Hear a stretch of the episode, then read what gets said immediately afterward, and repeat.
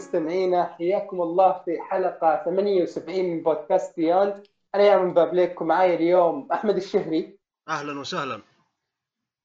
واثنين من الضيوف أحمد الركن. يا أهلا وسهلا.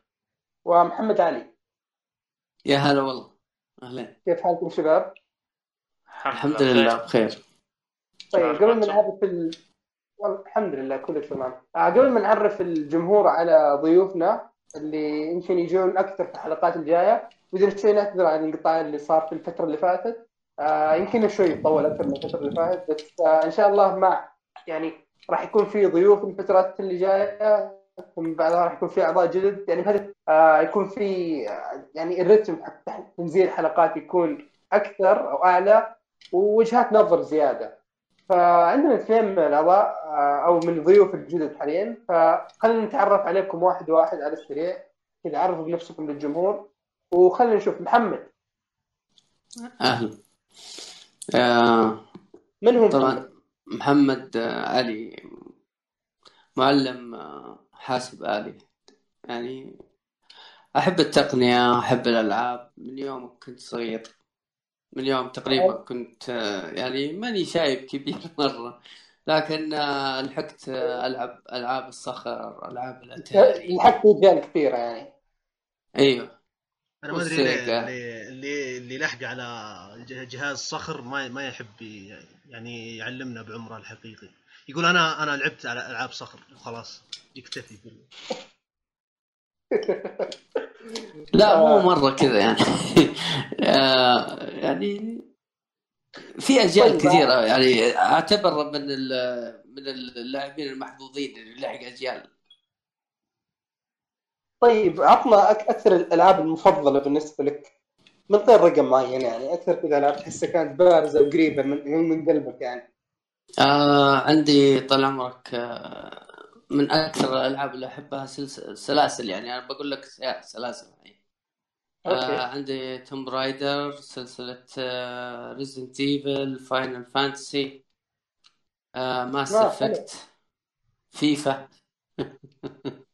أوكي. لا هو يعني شيء حلو ما أدري في فيفا نعتبرها سلسلة ولا نعتبرها copy paste آه لا ممكن تعتبرها سلسلة. لأنها تغيرت. من التسعينات آه. إلى الآن تغيرت أوكي طيب آه، أحمد كذا عطنا أهلا. نبذه بسيطه عن نفسك أوكي أنا أحمد الركن آه بس من سكان الرياض السعودي آه أدرس حاليا عمري 21 سنة آه طالب طب سنة رابعة آه أنا عموما يعني ألع... أحب الألعاب ومسلسلات أنمي أو مانجا أي شيء عموما يعني بتاع كله على قولتهم. وغالبا يعني يا سلام عليك. وغالبا يعني أحب أشارك رأيي. آه غالبا تويتر أو أي واحد مع أي أحد مع الناس. آه فقلت يعني هذه فرصة إن نجي في بودكاست يعني نشارك ونتناقش يعني مع آراء الناس. ويعني هذا هو. إي، أوكي حلو. آه طيب أحمد الشهري معروف طبعا. فخلينا نبدأ فقرات البودكاست. أحمد شيري أكيد أقل معدل حضور عندنا أحمد الشهري طيب فخلينا نبدأ بفقره الأشياء اللي لعبناها. وعندنا يعني مجموعة كذا لا بأس بها من الألعاب. فخلينا نشوف. ودي ودي أسمع عن Mario Maker 2 اللي لعبوها أحمد ومحمد. أي أوكي أبدأ ولا تبدأ؟ لا تفضل أنت. أوكي. آه عموما Mario Maker 2 آه هي طبعا آه تقريبا يعني تكمل السلسلة الجزء الأول مع إضافات آه تحسينية بسيطة. آه فيه طبعا الشيء اللي يعتبر أبرز شيء موجود في ذا الجزء اللي هو طور القصة ال story mode. ما كان آه فيه. ما كان فيه لا كان فيه بس يعتمد على مراحل الناس اللي يسوونها. أو في كان في 10 مراحل الظاهر Mario Challenge أو شيء زي كذا. آه آه. بس هذه لا سووا سووا لك طور قصة كامل. آه حوالي 100 مرحلة. يعني هذه هذا يعتبر لعبة منفصلة غير الطور الأونلاين أو تصميم المراحل اللي تسويها أنت. آه كانت يعني حلو أفكار الطور قصة كانت مرة كويسة يعني متنوعة. وانصح اي واحد يبدأ ماريو ميكر 2 يبدأ بالقصة. آه صحيح. غير إن المراحل متنوعة. كيف؟ تعطيك تحسها تعطيك أفكار إذا بتصمم يا سلام. بعدين. بالضبط. وغير كذا بعد تعلمك على أساسيات اللعبة نفسها يعني كيف بعض الحركات شلون تسويها وكذا. يعطيك بعض الأفكار بالتدريج وتبدأ تتطور مع الوقت. آه فكانت حلوة فيها صعوبات متنوعة. آه ويعني هذا هذا بالنسبة لطور القصة. آه بس وش الشيء تمنيته زيادة طور القصة؟ آه إنه يخلوك تتعمق في البناء أكثر. لأنه وش فكرة طور القصة أصلا؟ إنه في شيء دمر قلعة آه بيتش. مو القصة الواو يعني لكن قصة ماريو وش تتوقع؟ آه. يبغى ينقلها من من مدري سنة كم و70 يا زي ما أخطفها بازر الحين عموما إيه. آه إيه. فوش الفكرة؟ إنك تبدا ترجع تبني القلعة. آه وطبعا كل ما تخلص مهمة من مهمات القصة يعطونك عليها فلوس. الفلوس هذه تروح تبني فيها أجزاء من القلعة مثلا البوابة الرئيسية ال... ال... يعني الغرفة الرئيسية شيء زي كذا. تبنيها مع الوقت. أنا بس تمنيت إنه يكون فيها جانب بناء. تتعمق لأن أنت وش المشكلة تعطيها تعطي الفلوس لشخصية معينة اللي هي. آه، تود هو يبنيها. أنت ما راح تبني ولا شيء.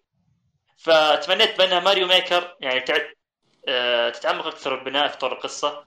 يعني يعلمك أساسيات البناء في طور القصة نفسها آه، لكن يعني ما كان في ذاك الشيء. ولكن في طبعا طور تدريب بالبناء خاص.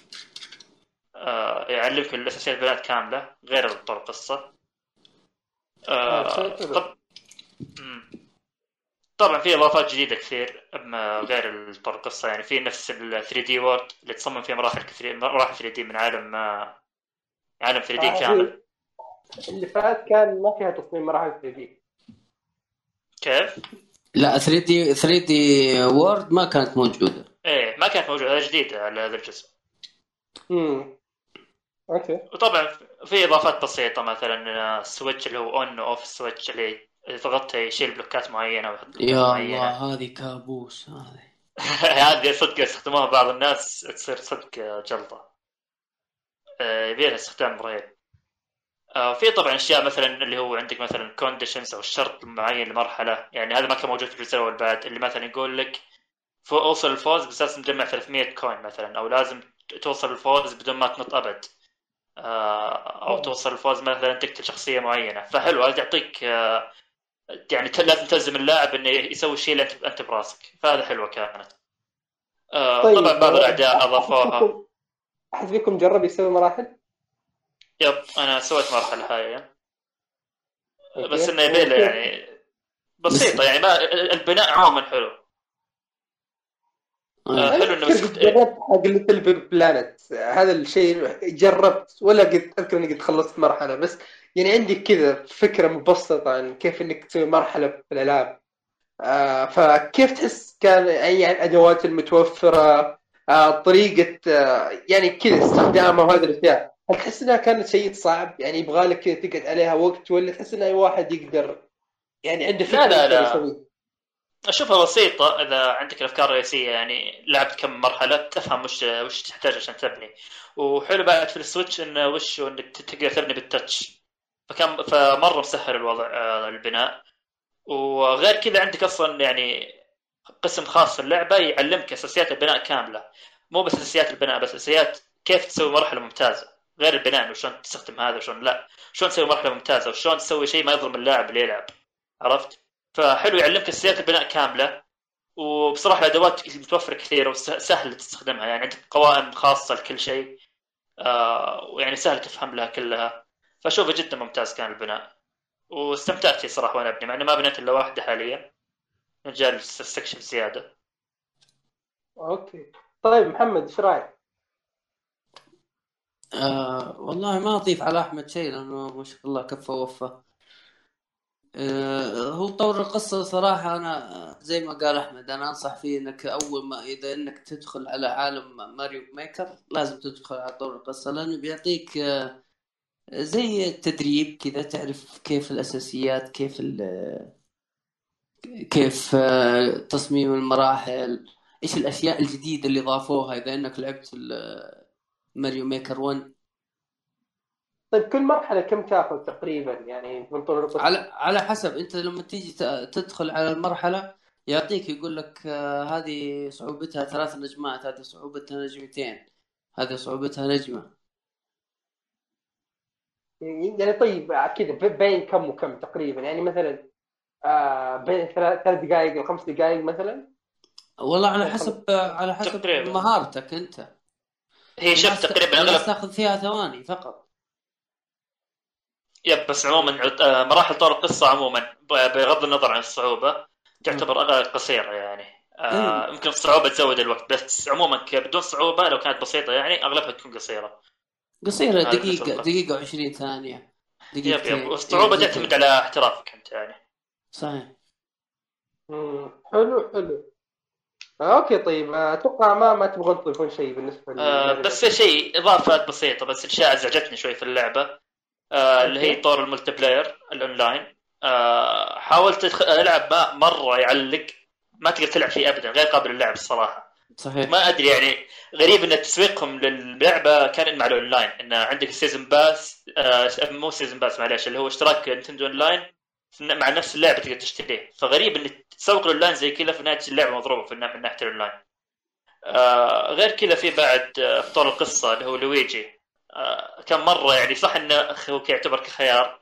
وش فكره لويجي انه إذا مت كم موتة يجي يساعدك أو خيار إنه يساعدك مثلا. يعطيك بلوكات معينة. يحسسك إيه، إيه. انك noob عظيم. لا المشكلة من أول موتتين يجيني. طيب يعني عطني فرصة أيوه. شوي يعني. إيه، يعطيك ولا، نكتة وبعد- بس. يب. لا المشكلة بعد ما تموت تخلص خمسة الحياة حقتك. يجيك أيه. يقول تبي أسوي سكيب للمرحلة؟ عادي يعني. ما أيه. مرحله بكيفك. آه، أحس يصير مبالغ فيه شوي. مع إنه صح إنه خيار عشان كذا. إيه ينزل- مع إنه خيار عشان كذا يعني مو بمرة إنه أحس سلبية كبيرة. آه، يعني ما إيه. تبي مو لازم تختاره وفي في أنا- البناء أنا أشوف انه ميزة صراحة إنه يجيك بعد فترة لأنه اللعبة تستهدف جميع الأعمار تقريبا عرفت؟ صحيح. يبي هو توجه إيه، بعد كذا أصلا. أو صح هذه هي مزعجة شوي صراحة. إيه بس أحمد إذا جيت في مرحلة ومت فيها مئة مرة وكل شوية هو طالع لك من جد من جد تكره. صح، يصير مزعج. تكره. إيه تحس كذا إيه. آه، في في البناء بس نقطة اللي هي 3 دي وورد ما أدري ليش ما ما خلت تقدر تدمج مع عوالم ثانية. يعني تحس ال 3D World كذا عالم منفصل لحاله ما تقدر تدمج مثلا السيارات مثلا أو ال- الشيء اللي تستخدمه عشان تحول ماريو يحول آه، قطة أو شيء مع- معين. ما تقدر تستخدم العوالم الثانية خاصة في 3D. World بس. yep. ميكانيكيات خاصة فيه. مختلفة. إيه. yep yep. أحس كان يقدروا يدمجونه بطريقة ما. ما أدري يعني. ما يعرفون نتندو هذا.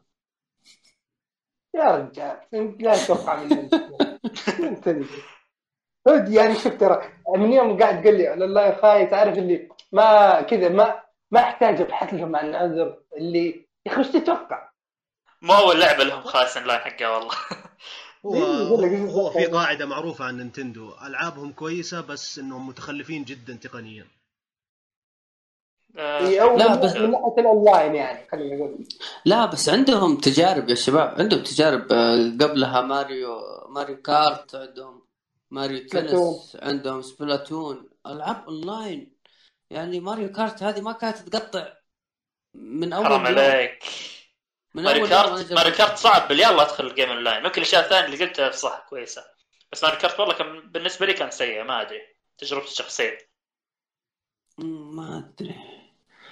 كانت عاجبتني online ال online حقها. غريب. okay. لكن لكن هذه فعلا الأونلاين ها خايس رايح فيها. أيوه. okay. يا طيب رجل هذا يا رجل آه، اذا إذا دخلوا معك أربعة ال frames تصير ثلاثة. نص يا رجال. يا ساتر يا ساتر. هيا العب. طيب نروح اللي بعده؟ روح. نروح البعد طيب أحمد عندك شيء ولا أدخل أنا؟ أنا ولا ترى في احمدين الحين. اوبوترا طيب خلينا على الاسم ال code name حقنا. كيف؟ اوبوترا سان سان والله أنا طبعا للمستمعين الأعزاء الحلقة هذه معاد تسجيلها. صار لنا مشاكل في الحلقة الأولى وشغلات يعني أستغفر الله العظيم. برنامج تسجيل خرب علينا وما أدري إيش. وحاولنا نسجل بعدها بأكثر من مرة بس كذا ما إحنا قادرين نتجمع. و... ففي الحلقة الأولى تكلمت عن اندرتيل وأبديت إعجابي جدا صراحة باللعبة. ما أدري في أحد لعبها منكم هنا؟ yep أنا. آه، أنا شفت stream آه، صراحة إن- يعني اندرتيل كانوا يكلموني عن اندرتيل وإنها من ما أدري كم 2015 أو 2016 ونازلة وما أدري إيش واللعبة رهيبة وكذا. قلت يا أخي وش ذا اللعبة اللي أنا ما أعرفها؟ وأروح أبحث في ال- في اليوتيوب عن اندرتيل إلا أشوف الرسم. أعوذ بالله وش هذا؟ graphics أبو ريال قاعد يقطع. كيف؟ آه okay لا قطع صوتك كان. شوي. المهم إن ال- ال- آه، ال graphics كان من جد يعني مرة سيء مرة سيء. لدرجة إني قلت يا رجل الناس كلهم غلطانين إيش هذا؟ مستحيل ان هذه اللعبة تكون كويسة. طيب. بعد فترة يعني الناس برضو باقي يتكلمون عن اللعبه وإنها رهيبة وإنها مدري وش قلت خلاص أنا بديت أقتنع يعني داخليا إن اللعبة أوكي ممكن إنها تكون كويسة. حطيتها في بالي إنه بشتريها في يوم من الأيام. فعلا شريتها مم. ايا كان التوقع اللي أنا حطيته عن اللعبة اللعبة كسرتها تماما. صراحة انها فاجأتني. بطريقة كويسة. أكيد بطريقة كويسة جدا. آه، فاجأتني جدا ال- القصة حقتها كانت آه، مرة كويسة عميقة جدا. آه، ال gameplay اللي أنا طبعا ما أحب نظام اضربني وأضربك وال gameplay ذا أتوقع بيكون بيننا مشاكل أنا وياك يا محمد عشان فاينل فانتسي وكذا. ليش؟ لأن فاينل فاينل فانتسي نفس النظام ذا. اللي هو أضربني بعدين أضربك بعدين تضربني بعدين أ heal بعدين تضربني بعدين عرفت؟ اي بس هذا أنت قديم مرة. غيروها من شو اسمه؟ غيروها من 15 إيه إيه لعبت أنا 15 و- وعجبني مرة 15 بس بما أنك أنت قلت في البداية أنك تحب فاينل فانتسي وكذا فتوقعت إنه إيه. الواحد الواحد يتطور يعني عادي. إيه. ف الصراحه إنه دخلت على ال... على نظام اللعب وأنا متوقع إنه راح يكون يعني نفس النظام اضربني بعدين اضربك طلع إيوه نفس النظام بس في حاجة غريبة. في في شيء يحدد مهارتك يعني. يعني تقدر يعني في الغالب ألعاب اللي آه، اضربني واضربك ذي ما فيها مهارة قد قد إن ما فيها استراتيجية عرفت؟ امم لكن أندرتيل لا فيها استراتيجية وفيها مهارة وفيها يعني حاجة مخلوطة كذا. شيء رهيب صراحة تجربة جميلة جدا ومستمتع جدا إني لعبت اللعبة. وغير كذا كل قتال ترى يختلف طريقته للثاني كل شيء يطلق عليك شيء غير كل واحد أكيد آه، أكيد. و... والشخصيات الحوارات اللي بين الشخصيات متعوب عليها صراحة. يا أخي الموسيقى oh my God الموسيقى رهيبة. بشكل هذا السبب لحاله. والله من جد. يا أخي في ريمكس لها في اليوتيوب. حرفيا كل يوم أدخل ألاقي يمكن 100 تعليق جديد عليه. هذا المقعد الريمكس كل يوم الناس يشغلونه. شيء شيء رهيب. شيء مرة رهيب. طيب كم كم طول اللعبة؟ آه، طول اللعبة تطور القصة لحاله تقريبا ست ساعات أو سبع ساعات حاجة زي كذا. بس إذا بتخلص اللعبة كاملة هي لها ثلاث نهايات. يعني تأخذ. منك آه، 15 إلى نعم. 20 ساعة تقريبا. يا والله حلاوة. جيدة جيدة خصوصا كان عليها تخفيضات قبل فترة. سعرها 10 دولار وأخذتها بثلاثة دولار تقريبا. ف nice wow. هذا هذا جمال ال PC. امم بالضبط. إذا قال لك أحد ال PC استثمار هنا. والله استثمار بس عارف اللي اذا قام يتملعن عليك يتملعن من جد. قصدك توافق القطع وبعض الألعاب ما تشتغل يعني- ومدري إيش. إي يعني أنا الحين قبل يومين تقريبا آه قاعد ألعب بلاد ستين طيب آه يعني ما لعبتها كثير يمكن قضيت يمكن ثلاث ساعات شيء زي كذا. يعني عديت لأكثر من boss مم. وفجأة آه أختي خذت من اللابتوب قا- قالت خلاص بتابع عليه شيء. فأخذته وقاعد أتابع عليه لين ما كذا الشحن خلص وطفى اللابتوب. بعدين صار اللابتوب كذا ما ما هو راضي يفتح مو راضي يشتغل. فجأة كذا ما يعني الزر حق ال power نفسه شغال عرفت؟ وما يسوي boot ما يسوي أي شيء بس كذا ال- ال- الزر حق ال power علامة ال Alienware هذه كذا تنور بس ما يشتغل. فما أدري قلت خلني كذا اصلحها أشوف وش بيصير okay هذا قلت بما أنك ذكرت. بلاد ستيند كمل فيه. وأنا كان ودي أتكلم قبل بلاد ستين عن شوية بلاد بورن خلينا ناخذ بلاد ستين شوية. بلاد ستين يعني أو أنا شوف أنا واحد ما لعب العاب كاسلفينيا القديمة. طيب يمكن الوحيده اللي لعبتها وما خلصتها بس مرة وصلت على النهاية اللي كانت لوردز اوف شادو لوردز اوف شادوز الأولى مو بالثانية الثانية خايسة مرة. آه كانت حلاوة ذيك يعني طريقة القتال نفسها ال- العالم وكانت تذكرني شوية قال هنا لا هذا اللي من نفس المصمم حق آه، الأجزاء القديمة اللي من بعد Symphony of the Night ففكرة اللعبة إنك قاعد تلعب شخصيه اسمها الظاهر إيش مريم؟ أو شيء زي كذا شيء على وزن مريم ما أذكر إيش كان بالضبط. بعتقد بس- كذا آه خليني بتاكد لك أنا بطلع الاسم خلاص؟ مم. هي شيء اسمه Shardbinder هذه زي من الناس اللي عندهم قدرة. خلاص؟ دقيقة بتأكد من اسمها. آه، ما حد فيكم قد لعبها؟ أنا لا للاسف لا. أو أنت صار لعبت على أي جهاز؟ Switch ولا PlayStation؟ لا آه، إي- دقيقة شخصية اسمها ميريام. ميريم. ميريام. أنا ألعبها على ال PC خلاص ويعني على ج- الأداء كويس ما في مشاكل. فهي اللعبة كذا نظام ال Metroidvania اللي لعبة 2D خلاص. آه، تستكشف أماكن تروح ترجع لها تجمع قدرات عشان تفتح أماكن جديدة وتستكشف زيادة وهذه الفكرة العامة يعني. لها فأنت هنا قاعد تلعب شخصية آه، ميريام هذه اللي هي من ال Shardbinder. هي الناس عندهم قدرات معينة وهم أصلا خلينا نقول إنهم ناس كذا مرة قليلين نقدر نقول. فالفكرة يعني العامة حق اللعبة انك يعني إنك تبغى تذبح واحد كأنه دراكولا حق الجزء هذا. خلاص؟ إيه. ما في يعني ما يعني لا كان ما كان ما, ما تشدك مرة ولا كذا بس لو فيها شيئين الآن مرة عاجبيني. الرسم وال يعني التوجه الفني حقها يا أخي رهيب. سواء الألوان التصاميم حق الشخصيات نفسها آه الخلفيات شيء رهيب مرة. عارف اللي أنت تمشي تقدر تاخذ آه، screenshot و- وتنفع خلفية مرة. فالرسم والتوجه الفني حقها مرة رهيب. ثاني شيء هو كمية التنويع اللي طايرة في ال- في اللعبة نفسها. يعني عندك ال shards هذه اللي تجمعها اللي تعطيك قدرات. في ثلاث انواع تستخدمها.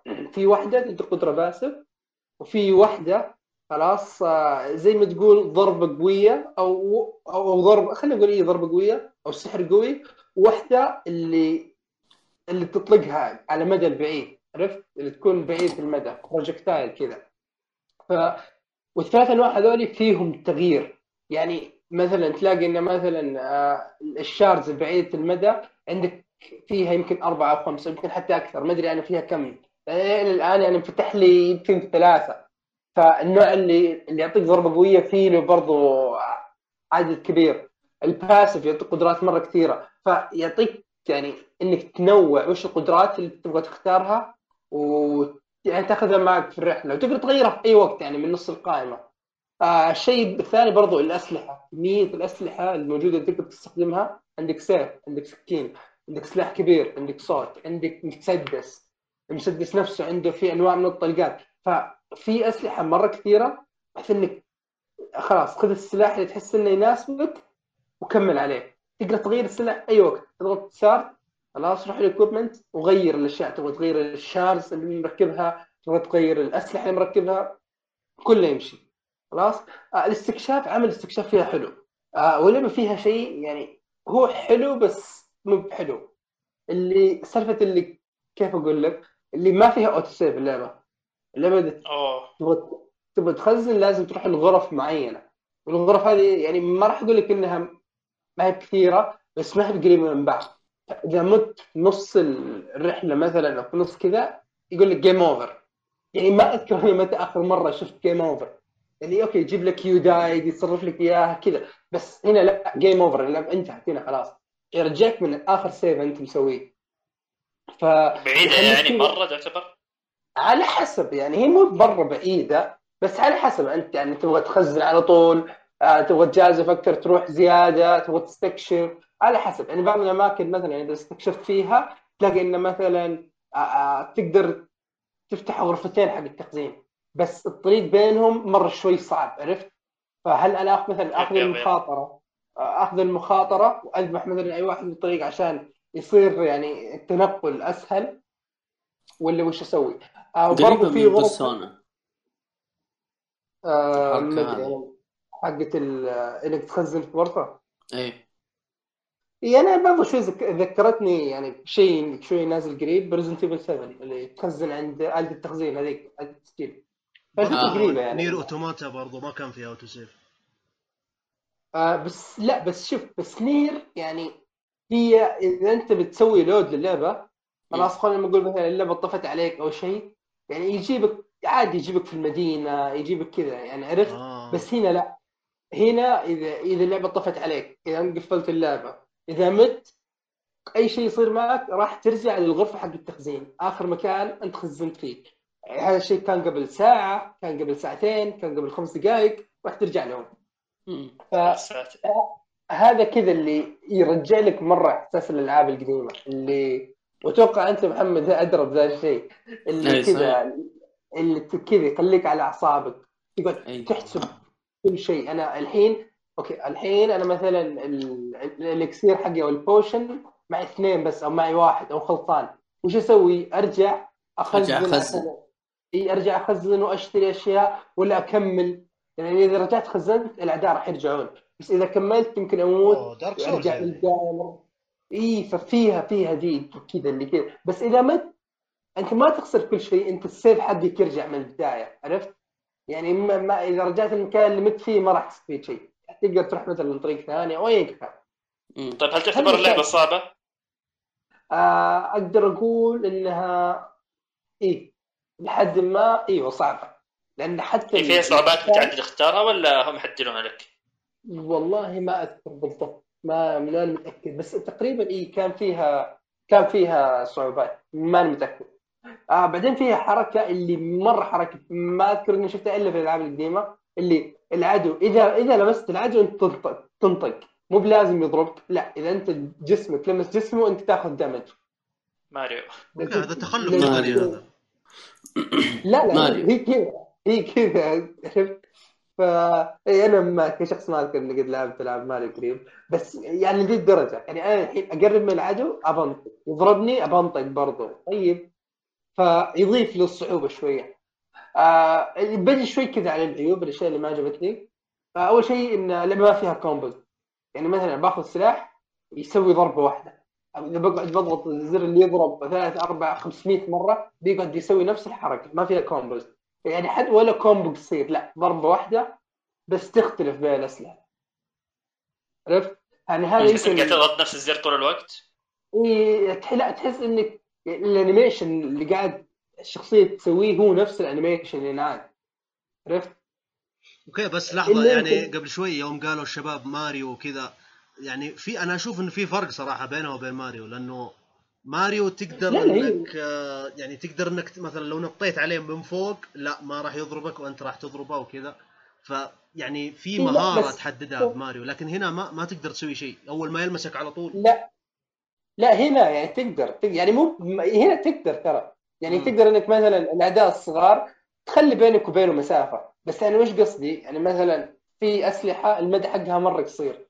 فإذا تبغى مثلا تسوي ال maximum damage يكون لازم تكون مرة قريب. فإذا مثلا قربت أكثر من اللازم بحيث إنك أنت لمست الشخصيه راح تاخذ damage عرفت؟ ماريو لا إيه. ماريو هي أكثر game mechanic من إنها شيء زي كذا. أو. شيء يضيف للصعوبه عرفت أنا أذكر إني قد لعبت العاب بلاي ستيشن بالذات ما أذكر اي لعبه معينه بس أذكر انها كانت تمر علي آه شيء زي كذا. يمكن حتى زي كراش خلينا نقول اللي إذا إذا لمسك واحد من الحيوانات أو كذا زي كراش. زي سونيك حتى. إي زي سونيك حتى زي هذه الأشياء. فهو هذا كذا الطبقة الزيادة من الصعوبة خلينا نقول. فالقصة هذه من الأشياء اللي ما عجبتني يعني ما شدتني ابدا. ولا شخصية الشرير عجبتني ولا من هي حتى 2D صح؟ اي هي 2D. يعني ما فيها أي شيء 3D نهائي. هو يعني هو ال- الرسم 3D تقريبا بس العالم 3D هي 2D. يعني تمشي قدام ورا فوق تحت. ما في يعني ما في بعد ثالث في الموضوع. فال boss fights هذه من الأشياء الرهيبة مرة. يعني أنا ما أدري الحين أتوقع إني قاتلت اثنين أو ثلاثة. وكانوا رهيبين. يعني أي واحد في كل واحد فيه له فكرة عرفت؟ وكل واحد كذا اللي عارف كل ما أنت تخسر عنده تخسر عنده وترجع من الغرفة حق التخزين أوكي ما هي بعيدة بس اللي كذا تدخل في ال mood عرفت؟ تتحمس. الحين بت- بت- كذا تفكر في استراتيجية جديدة وأنت قاعد تمشي عليه فتحس إنه وتحس إنه برضه يعني معتمد على المهارة أكثر. يعني مو مثلا أضرب أضرب أضرب ثم موخر ثم أضرب أضرب. لا لأن الباص نفسه يكون مثلا عنده أكثر من حركة أكثر من استراتيجيه يعني أكثر فأنت تقدر تقاتله بأكثر من استراتيجية. وكلهم يعني من ناحية تصميم حلوين من ناحية أفكار حلوين يعطونك تحدي ممتاز. فهذا الانطباع كذا إلى الآن أقول إنه مبدئي إني مرة في بداية اللعبه ولعبه طويلة. يعني زي ما أنا قاعد أسمع بالراحة 25 ساعة وأكثر عشان تخلص المهام الأساسية. فيها برضو مهام جانب مهام جانبية حلوة. يعني لا بأس بها. تحسها كذا اللي آه، تأخذها ونظام اللي أوكي وأنت ماشي على المهام الرئيسية وأنت قاعد تستكشف تقدر مثلا هذه الشخصية يعطيك ع- إنه مثلا أنتقم. يعني المهام العادية اللي شياطين معينة ذبحت أخوي وذبحت مدري مين اذبحها فتأخذ لك مثلا ثلاث أربع إي فتأخذ لك مثلا ثلاث أربع مهام جانبية وأنت وأنت أثناء رحلتك تسويها ثم اذا رجعت لل hub حقك أو المكان اللي تشتري فيه وتضبط فيه هذه الأشياء؟ آه، تأخذ ال rewards حقتها. فإلى الآن لعبة كويسة. يعني واعدة جدا. أتوقع أنها قدام يمكن تصير أرهب. وبس يعني هذا بالنسبة ل Bloodstained Ritual of the أنت لعبت Hollow Knight؟ آه لا ما لعبت Hollow Knight. كنت بس أنا هي قريبة آه، هي تقريبا مشابهة الظاهر. إيه Knight مستوحى من من Castlevania وكذا؟ بس Hollow Knight لا, لا أنا عندي لها النية يعني حتى اللي مو بس شاريها شاريها ومثبت. فبس ما جاء الوقت اللي أبى ألعب فيه كذا. آه okay. هذا بالنسبة ل Bloodstained Night أحد يبغى يستفسر عن شيء ولا نروح اللي آه، بعده؟ بس العالم نفسه أنا كان شفت كم مقطع أحس نفس المنطقة كلها ولا في اختلاف شوي في تنوع المناطق. والله أنا إلى الآن يعني هي المناطق يعني زي مثلا في واحدة من المناطق عبارة عن قصر. القصر ده شيء مرة كبير. عرفت اللي المفترض إنه مثلا يعني زي مثلا Resident Evil عارف اللي مثلا البيت تقعد فيه ثلاث أرباع اللعبة ثم باقي دو- الأماكن. دوار كبيرة وايه اي فهذه تقريبا الفكرة هنا إنه مثلا في القصر هذا اللي بتقضي فيه أكثر اللعبة. وإلى الآن آه، هذا الشيء اللي واضح لي. انه يبغى له استكشف القصر مرة كبير في تنويع في تصاميم رهيبة جدا في واضح إنه في أسرار. يبغى لك مثلا تروح قدام يعني تفتح شيء أو تكتشف شيء ثم ترجع لذا المكان. كذا يعني. فهذا جميل. هو. آه فهذه بالنسبة ل Bloodstained Ritual Night نروح للعبة اللي بعدها. خلينا نشوف Crash Team Racing remaster remake أتكلم ولا محمد؟ آه خلينا نشوف محمد. محمد آه أتوقع أن أنت بتكون لاعب اللعبه الأصلية. صحيح. فتفضل كلمنا عن يعني في تحليل قوي الحين. آه، الل- اللعبة يعني أنا أتذكر إني ختمتها في وقتها لكن الآن أنا تفاجأت إنها صعبة. Dark Souls. السيارات. okay. آه، أوكي. وترى أنا حاط الصعوبة المتوسطة. آه، ط- أول شيء Crash Team Racing هي لعبة سباق سيارات. يعني مشابهة ل Mario Kart. وشخصيات كراش ألعاب كراش بالإضافة إلى أنهم آه، شو اسمه أضافوا شوية مراحل من الجزء الثاني. اللي طلع على ال PSP. okay. الثالث اللي على PSP الظاهر. آه الثالث؟ لو اي لو Tag Team هو اللي PSP الظاهر. عموما إيه. فهم جابوا منه شخصيات وجابوا منه مراحل وصمموا مراحل جديدة. يعني ال- لعبة تحكمها رهيب. ال- المناظر المناظر شيء حلو جدا. يعني فعلا فعلا قليل عليها اسم remaster ممكن إنها remake أتوقع زي- remake. يا يا أنا أتفق معك يا أخي. احس شغالين عليها شغل متعوب عليه الصراحة. تحس اللعبة فيها حب من المطورين نفسهم. أيوه الل- الل- اللعبة و- واللعبة التحكم الصورة الشخصيات آه، جدا جدا جميلة. لكن لكن أنا ألعب على دور القصة في صعوبة متوسطة. انجلت جلدي يا أخوان. يعني ما يعني ما أدري شلون. إذا ما ضبطت إذا ما ضبطت التفحيطة على بالملي مع النايترو طبعا هم يقولوا تفحيط في ال- في اللغة العربية حقت اللعبة الدبلجة نفسها. أيوه في الدبلجة يقولوا اضغط على زر التفحيط عشان كذا أنا حلو والله. آه، آه، الترجمة كمان هذا شيء ثاني الترجمة يعني مرة رهيبة تضحك. يب يب يب والله الدبلجة حكيت. بشكل جدا ضابطينها أيوه يعني إذا إنك تلعبها مع أطفال تلعبها مع صغار راح يستمتعوا لهجه ولا فصحى؟ لا. آه لا فصحى فصحى بس آه، كأنهم يتفرجوا على أفلام كرتون. اللي في Cartoon Network أو أو MBC. يعني ما تفرق معك لأنه نفس تقريبا نفس الاحترافية ونفس الأصوات. جابوا ممثلين صوت كويسين. إي ممتازين جدا. و... ويعني وي- وتعجبهم مبهرة. لكن المشكلة لما يجي يبغى يلعب صعب. إذا يقدر يلعب شوف. يعني إيه لا لا شوف هو سهل تدخل أحد فيها يتعلم يلعبها لكن صعب إنك تخليه يحترفها آه. أو يتقنها صعب 100% صعب خاصة آه، الحركة حقت ال R1 بعدين تضغط ال R2 مرتين وف... وفي آه، في timing إذا اذا غلطت yep yep. فيه إذا غلطت فيه خلاص راحت عليك ال- ال nitro هو وش فكرة التيربو. بالضبط؟ هو وش فكرة التيربو بالضبط؟ إنه وش مو بعكس السباقات الالعاب السباقات الثانية مثل Sonic أو Mario Kart اللي خلاص انت ما عليك إلا تسوي drift هو بيكمل التيربو هنا لا أنت تقدر أنت اللي تتحكم بالتيربو عرفت؟ يعني سويت زر ال drift لحاله ما راح يعطيك boost لازم أنت تتحكم بالوقت معين تضغط الزر الثاني عشان يعطيك ال boost هذا. صحيح. فهذا اللي ممكن صعب صعوبة. الوضع شوي. مم. لازم تحترف هذا الشيء عشان تمشي يعني في اللعبة. okay صعوبة بس ما تحس إنه تزود الاحترافية في اللعبة؟ yep yep yep.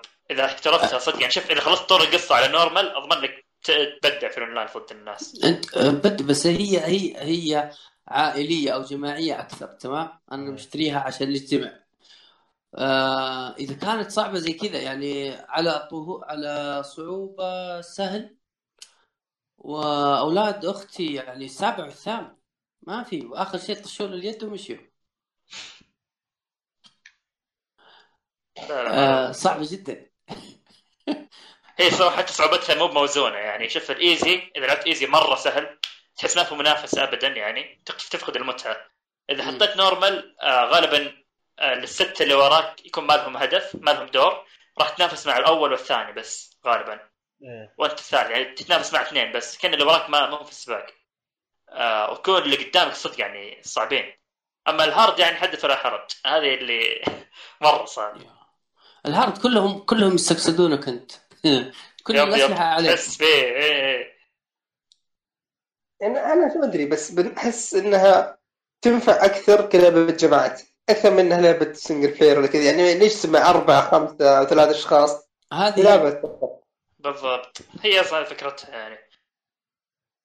أمم، يعني أنا حتى ترى أنا أذكر إن Crash الأولى مو الأولى ال- ال- ال remaster هذا اللي نزل قبل فترة حق أول ثلاث أجزاء اذكر أغلب الوقت اللي أنا كنت ألعب فيه كان يكون معي واحد يا خويي يا أبن خالتي يا كذا اللي قاعد okay خلينا نشغل Crash اللي okay يلعب هو موت وأنا موت كذا عرفت؟ يعني أحس كذا هي النظام القديم يعني تحس كذا إنك مو بس قاعد تسترجع ذكريات ولا قاعد تشوفها لا بالتجربة نفسها بالأجواء نفسها إيه. أنا بالنسبة للعبة الأولى أذكر إني لعبتها بس يعني ما لعبتها أو تعمقت فيها كثير. يعني ما أذكر هذاك. أذكر إنه كان في جزء على ال PlayStation 2 حق سيارات برضو. اللي فيها السيارات تندمج مع بعض وما أدري yep إيش. yep هذا الجزء الثاني. هذا الجزء الثاني يب. إيه هذاك أنا أذكر إنه معي كان يعني عندي معاه ذكريات أكثر. ف يعني انبسطت عليها. يعني هذاك الجزء أنا أقول إني انبسطت عليه.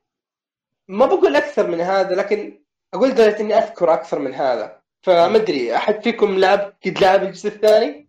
يب أنا وفي هذه- الاجزاء الجزء الأول والثاني بس طيب في هذه الحركة حقت الجزء الثاني حق السيارات تندمج سوا لا. لا لا شوف هو ال remaster الأساسي أصلا من الجزء الأول بس okay. آه، الاشياء اللي الاشياء اللي إضافات الجزء الثاني والثالث حطوها كمابات بس أو شخصيات مابات ف وشخصيات yep. أو شخ... إيه. فما كان فيها إضافة آه، في أفكار من الجزء الثاني واللي تمنيت الصراحة لأن فكرة الجزء الثاني أصلا القصة تكمل الجزء الأول مع إنه هو ذيك القصة يعني لكن حلو لو اضافوها آه، حتى في أفكار كانت آه، رهيبة الجزء الثاني كانت تحسها توسع أكثر الأفكار آه، طيب. لكن عموما هو. مركز على الجزء الأول أكثر أنا واحد يعني ما بقول إني ما بقول إني fan Mario Kart لكن لعبت السابع يعني لعبت قضيت فيه وقت محترم يعني. فوش الأفضل؟ Mario Kart الحين ولا Crash؟ Crash Team شوف. أنا بالنسبة لي بصراحة عجبتني Crash Team Racing أكثر. آه ما يمكن أنا عشان عندي ذكريات طفولة أكثر مع Crash. آه لكن حتى غير هذا يعني أحس كميكانيه كميكانيه ميكانيكيات. إيه ما تطلع. إيه أحس هي أفضل الصراحه Crash. بالذات من ناحية ال drift وكذا أحس أمتع يعني.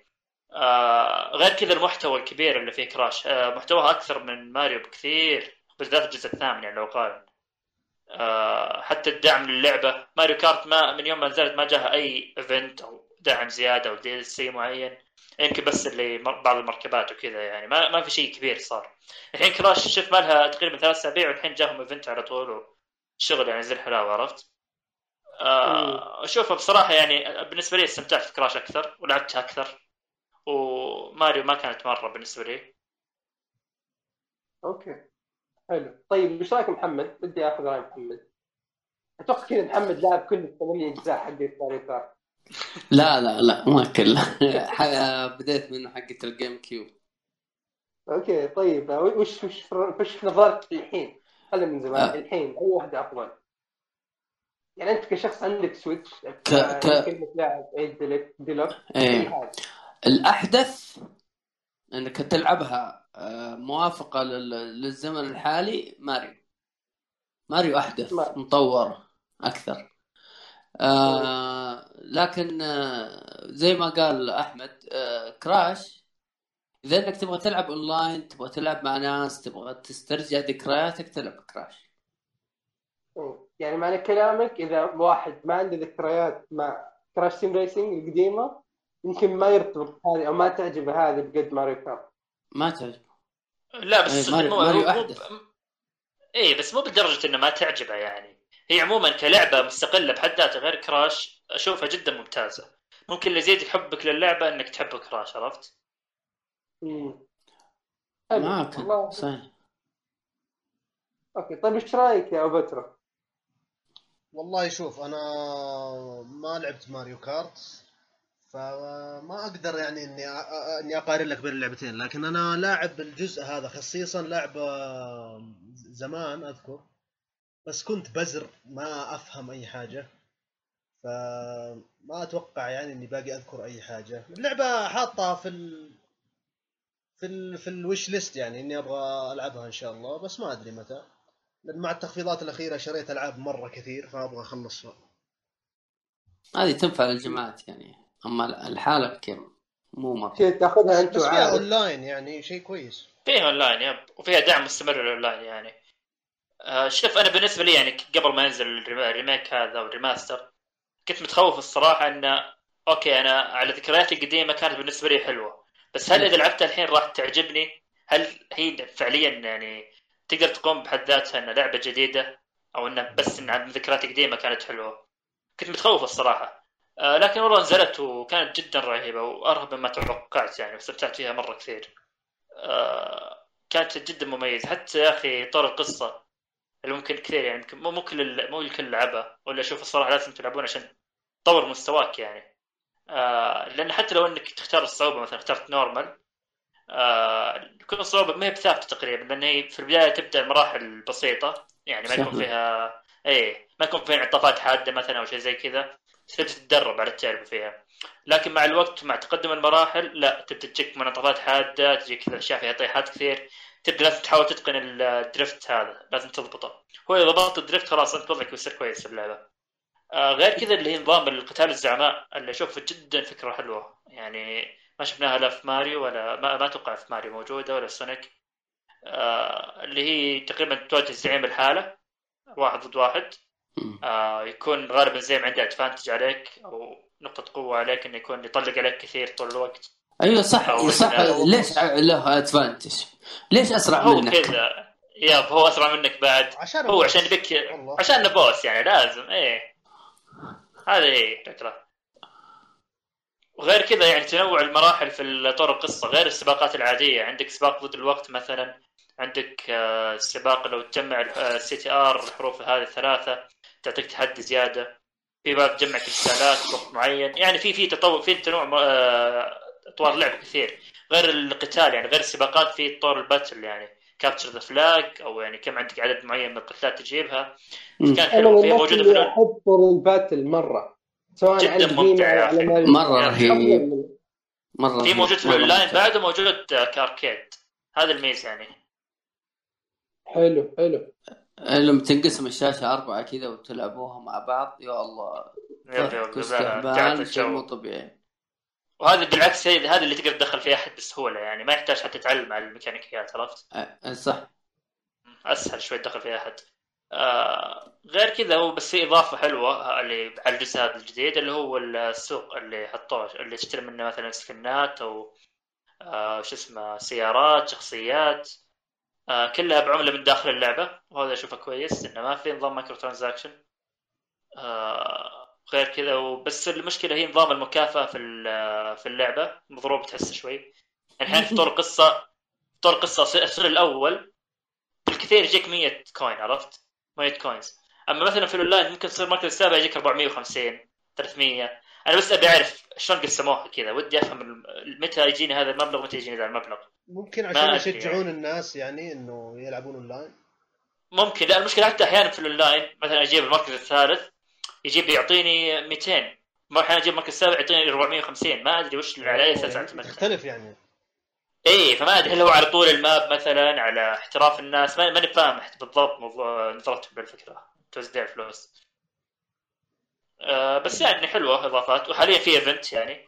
آه خمس شخصيات جديدة و آه map جديد وكذا وفي كم خمس event بيجي شخصيات؟ قدام من شخصيات Crash yep. نفسها اي خمس شخصيات جديدة أو أربعة حاليا تقريبا.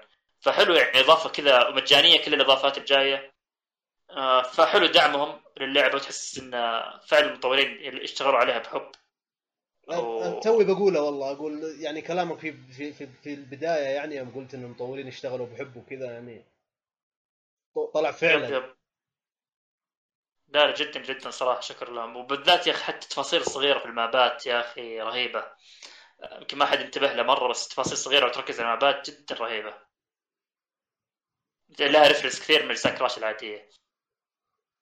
آه ف yep هذه تقريبا. مم. كلام جميل كلام جميل. تو أحد يبغى يضيف شيء يا إخوان بالنسبة لا ما حد يضيف شيء؟ okay. طيب أحمد عندك آه، لعبة بتضيفها وتبغى تتكلم عنها ولا؟ أي أحمد أنا؟ آه الشهري. آه لا أنا خلاص بس كان عندي الدرتيل و... عندي كلام في ال... طيب. في الأنميات وكذا. okay طيب أحمد الثاني. لا لا بس العاب هذه. okay طيب أنا بتكلم كذا على الخفيف كذا ذي الفترة. آه رجعت. هو اللي صار باختصار الفترة اللي فاتت ال PlayStation حقي خرب فقلت خلاص آه بجيب غيره. بعت ال Xbox. أنا خلاص صار كذا ماخذ وضعية المزهرية لأن اغلب الألعاب صار العبها على ال PC حقته. ثم خرب الجوال. الله ثم الحين خرب اللابتوب. عارف لي كلها كذا جات ورا بعض. فزبده جبت لي شو اسمه جبت لي Station ثاني وكان برضه خذيت الجوال ثاني. فال PlayStation الحين رجعت ألعبه. خصوصا اللابتوب مو شغال فقاعد يقضي عليه وقت أكثر. آه، أنا من يوم ما شريته يعني ما كنت لعبت عليه لعبة كذا اللي يمكن Bloodborne و God of War فالحين okay قررت إني أرجع ألعب Bloodborne ثم بعدها بلعب Horizon الحين كذا بتكلم شوي عن Bloodborne بقعدها شوية ب Horizon في بعض الأشياء. Horizon ف- Horizon Zero Dawn Horizon هو إيه لا يعني مو مو في شاطح اللعب. مرة. إيه لا يعني بس يعني خلني خل خل okay okay شوف أوكي يا أخي أول شيء Bloodborne يمكن تكون لعبة الجيل بالنسبة لي الآن. كذا أوه. لأن أنا يوم كذا الحين كبرت في راسي زيادة. يا أخي وأنا ألعبها اكتشفت فيها أشياء زيادة. يا أخي في في شيء في العاب FromSoftware جاء في بالي من يوم ما خلصتها المرة الأولى. يعني مثلا يا أحمد أو أي واحد فيكم يوم تلعب Dark Souls 1 في المنطقة حقت Painted World of Ariamis اللي هي عالم اللوحة إيه اللي هو مكان كامل برئيس وكل شيء بس اختياري. ما ما أدري في 2 بس في 3 عندك ال- المكان حق التنانين اللي تقابل فيه ال Nameless King منطقة كاملة اختيارية. ثم تجيك مثلا Sekiro آه، اللي Hirata Estate مكان كامل اختياري. أنا أذكر يعني كذا اللي قاعد أتذكر يا أخي. ما أذكر إنه في بلاد بورن قد جاء علي شيء زي كذا. إيه. فبحثت شوي ولقيت إنه لا موجود. بس أنا ما موجود. إيه كثير. موجود. فاول شيء يعني رحت الأم... وذهب يامن مع الرياح. موجودة. صوتك صوتك انقطع عندي ترى. ثانية غير إنها اللي قد جبت أول. آه الحين يا أحمد أنت عارف انه يعني من الاشياء اللي مرة عجبتني زيادة ولا تفصيل مرة صغير. تذكر ال Insight اللي جمعه؟ إيه. ال Madman's Knowledge إيه. أنت عارف إن إذا ال Insight حقك صار عالي فوق مستوى معين تبدأ تشوف أشياء في العالم ما تشوفها إذا ال Insight حقك بسيط. إيوه سواء فكرة مع الانسان الجيل. طيب. يعني أنا ما ترى أنا أذكر الإنسايت أغلب الوقت كنت كذا أروح أشتري فيه. ما كان اشتري فيه وش كل لك ال- الفاير بيبرز كذا وخلاص. ف عارف اللي كذا اني إني عدتها وقاعد أشوف ذي التفاصيل وتشوفها كذا لحالي. يا الله يا أخي اللعبه جميلة. بس بعدين شغلت هورايزن و... وكذا اقتنعت تماما إن بلاد بورن كذا قمامة من الناحية التقنية. لا فريم لا التقنيا فريم ريت مرة خايف اتفق اتفق. الانيميشن وش يبي؟ يعني يعني كون مثلا الحين قاعد العب 100%. هذا اثنتين لعبتين حصرية. مش حرد عليك. الفرق مش حرد عليك. الفرق الفرق حرام. عليك. يا أحمد. بالله ما لاحظت فريمات. لا إذا والله كانت مرة من رهيبة. غريب. من ناحية تصميمية من ناحية تصميمية. okay Bloodborne أفضل و... أفضل يعني أقول لك من افضل العاب الجيل إذا ما هي الأفضل بالنسبة لي. بس تقنيا اللعبة كارثة يا أحمد كارثة. خصوصا يقول لك يوم ألعب مثلا بعدها Horizon اللي يا أخي ال animation سلس الرسم مرة رهيب ال depth of field عرفت؟ يوم تجي المقاطع وكذا إنه كيف يغبش الخلفيه والشخصيه تبرز شيء رهيب. ال- ال photo mode Horizon يا الله. يا أخي أنا أذكر إني خذيت لي صور حتى واحدة من رهابتها حاطيها خلفية في ال PlayStation. يا أخي حصريات PlayStation عموما photo mode رهيب فيها مرة. بالضبط. ال ال إيه. Horizon four Uncharted 4 Horizon من ناحية فنية جدا جدا كويسة. وتقنية. تقنية جدا إيه. تقنيه تقنية. مو مبهره مبهره شوف ترى Bloodborne بالنسبة لي عيبها الوحيد إنها قمامة تقنية. خلاص؟ ما المحرك حقهم قمامة المحرك طيب. حقهم رهيب. وش المحرك حق مين؟ حق Horizon حق Horizon آه، المحرك حقه هو نفسه اللي أخذه كوجيما. قال هذا افضل. محرك. لا هو يعني من ذي الناحية ما في كلام. يعني ما ما نختلف. بس أنا أنا أقول لك يعني هذا القهر عرفت؟ اللي ألعب ذي يا أخي لعبة جدا عظيمة بس يعيبها الجانب التقني. يعني أحس إنه مثلا يعني هذا كذا السؤال راح ينطرح بعد أربع بعد خمس سنوات جوابه جاهز عندي. عارف السؤال حق لعبة من الجيل اللي فات تتمنى يطلع لها ريماستر أو كذا؟ أو remake أو شيء. كذا. Bloodborne فلأن اللعبة فيها فيها الافكار التصاميم اللعبة تحفة. تحفة مرة. يا أخي تصدق يا- إني رجعت ألعبها الفترة الماضية بس يا أخي بعد ما خلصت Sekiro أنا شفت آه، قطعت Bloodborne تقريبا أنا من النص تقريبا. هزمت يمكن ست سبع زعماء. وبعدها. رحت خلصت Sekiro وجبت بلاتينوم رجعت حاولت ألعب Blood يا أخي ماني متقبل أسلوب اللعب مرة. أحس كذا وين يعني؟ Sekiro مرة في قتال ممتع فيها. أحس ما إيه، سريع. الصراحه مم. Sekiro اختلاف كبير جدا. yep yep. يعني إن هذيك لعبة أكشن وما فيها stamina تتحرك زي ما تبي ما فيها إنك تطيح. عرفت. فالفرق كبير. يعني كبير كبير yep yep. من يعني. ناحيه فرق yep. فبس يعني هذا بالنسبة ل- لبلاد بور كذا بس حبيت أعقب. والله أنا ما كان ودي صراحة إنك عقبت. ليه يا أخي؟ ليه يا مرة مرة كلامه ما عجبني ابدا.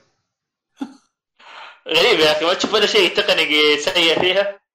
ما أذكر أنا ما أذكر. لاعبها من 2015 بس ما أذكر إنها صارت لي مشاكل تقنية يعني لدرجة إنه هي مو بأنها تعلق اللعبة ولا يصير لك crash لا لا لا فريمات ما أدري ممكن ما لاحظت ما أدري صراحة. جرب جرب جالح الحين. وتقتنع هي 30 على ال PlayStation 30 بتطيح أحيانا بعد.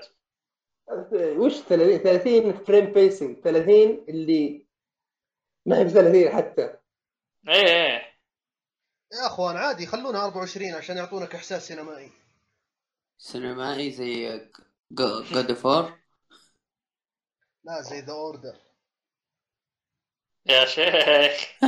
السينمائي ذاك صدق. لا هو يعني أنا أقول لك يعني تلاحظ يعني خصوصا الرجال الأماكن اللي فيها اشتباكات و...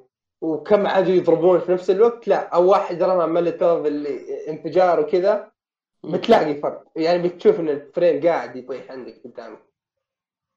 بعدين إيه قد شفت لي فيديو على اليوتيوب واحد مسوي mod ل Sekiro ومخلي الحركة زي Bloodborne. شال نظام ال posture.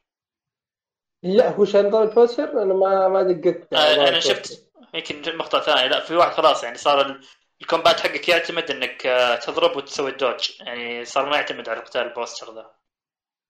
آه لا كذا مرة غيرها. أن ال po... لا، راح الفكرة اي أنا قلت إنه مثلا لو بس ال dodge يعني خلاه زي حق Bloodborne إنه ال window أكثر حقت إنك آه، توخر على ذا انه بتفرق يعني. يعني إيه، من ناحية بتسهل اللعبه أكثر بس يعني بتضيف لها متعة أكثر برضو. فبس يعني هذا بالنسبة ل Bloodborne مم. فأتوقع هذه الالعاب اللي لعبناها. هذه ال... هذه هذه الفترة. نروح للاشياء اللي تابعناها. أوكي؟ طيب وخلنا نشوف. نبدأ بالأنمي. ثم راح نختم فيلمين أو خلينا ناخذ الأفلام على السريع وبعدين آه نختم بالأنميات ففي عندنا فيلم Shazam و Spider-Man Far From Home فمحمد المايك لك. آه أنا ببدأ ب Shazam okay. هو هو صراحة فيلم آه، مجموعة DC. اللي هي مجموعة باتمان وسوبرمان و Wonder Woman. طبعا آه، شو اسمه؟ ال- ال- الف- الفيلم أنا داخل أنا دخل أنا أخذت الفيلم ما عندي فيه أي تصور له أو ما سمعت عنه أي شيء. آه، إلا إني فقط شفت التقييم حقه. وقارنته مع فيلم شفته قبلها كان اسمه كابتن مارفل. وشفت إن تقييمه أعلى من كابتن مار- مارفل فتفاجات والله صراحة آه الفيلم الفيلم يعني طبعا يبدأ لك آه، بقصة عادية جدا. بأنه ولد ضاع من أمه زي كذا. جيسون! إيش. إيه جيسون. جيسون حق هامرين جيسون إيه. و يجيب لك عاد القصة يجيب لك قصة ال- الفيلن حق أو المجرم حق ال- حق الفيلم. كيف كيف تكون كيف صار. و... من هو؟ كيف يعني من هو؟ لا أقول لك يعني يوضح لك هذه الأشياء من هو كيف آه أي أحسبك تسألني تقول لي من هو. حرق. okay طيب كيف الفيلم بشكل عام يعني؟ وش الأشياء الكويسة فيه؟ وش الأشياء الخايسة؟ كيف الأكشن؟ كيف التمثيل؟ الأكشن حلو التمثيل خاصة تمثيل الولد الصغير تمثيله مرة عجبني آه ال- الكومي... الكوميديا فيه أنا أحس إن البطل يعني بعد ما يتحول يصير يصير قوة خارقة وكذا آه شوية الكوميديا أوفر لا، يا أخي وجهه مو وجه بطل نهائي يعني- طبعا كذا الفكرة الفكرة إن آه البطل اللي هو شازام الولد الصغير وش وش إيه. اسمه هو يا محمد الولد؟ كيف يعني لا وش اسم الولد الصغير؟ آه، اسم الشخصية في الفيلم آه والله نسيت. ما هي مشكلة الفكرة هي إن الب- البطل الولد يكتسب قدرة خارقة انه يوم يقول شازام يتحول لواحد كبير عنده قدرات خارقة. يطير وقوة مرة يعني وقوي و... يعني هي ظاهر حتى اسم شازام جاي من أسامي خمس أشخاص يرمزون لهذا الشيء. يعني مثلا زوس البرق وما أدري مين الحكمة شيء إيه. الحكمة والسرعة والقوة شيء زي كذا إيه إيه هرقل فيها اعتقد لأنه يذكرها يذكرها الساحر اللي يعطي له القدرة يقول له. آه بس أنا. أنا ما تابعت الفيلم لكن أشوف في كثير ناس يستخدمون نقطه الكوميديا وتصرفات البطل نفسه اللي تحول آه سوبر هيرو أيوه آه شوف أنا ما أنا لو حد يعني ما تابعته بس أحس كأنك آه، لو فاهم فكرة إنه هو طفل أصلا يتحول لسوبر هيرو أحس ممكن تقبلها أكثر ولا؟ ما هم يعني ما. تبي يجيك واحد طفل ما تبي واحد يجيك طفل ويقول يا جيت هير ما أدري وش يتكلم كذا كأنه بطل آه، كأنه باتمان مثلا. أي صح. يعتبر في النهاية طفل عرفت؟ إيه، فما أدري إيش. ال- الفيلم جدا عجبني. آه، مرة مرة حلو مرة حلو يعني. آه، أحسن من أفلام كثير DC شفتها قبل. آه، فيلم باتمان وفيلم آه، شو اسمه Justice League و Return of Superman لا هذا أفضل منهم كثير. بصراحة أنا أقول لك اتفرج عليه. هو طيب هو شيء كويس إنه يعني كويس إنه في طابع كوميدي بطريقة كويسة. يعني أغلب أفلام DC كذا تحاول تاخذ لك طابع الجاد مرة المظلم المدري وشو. أيوه. و...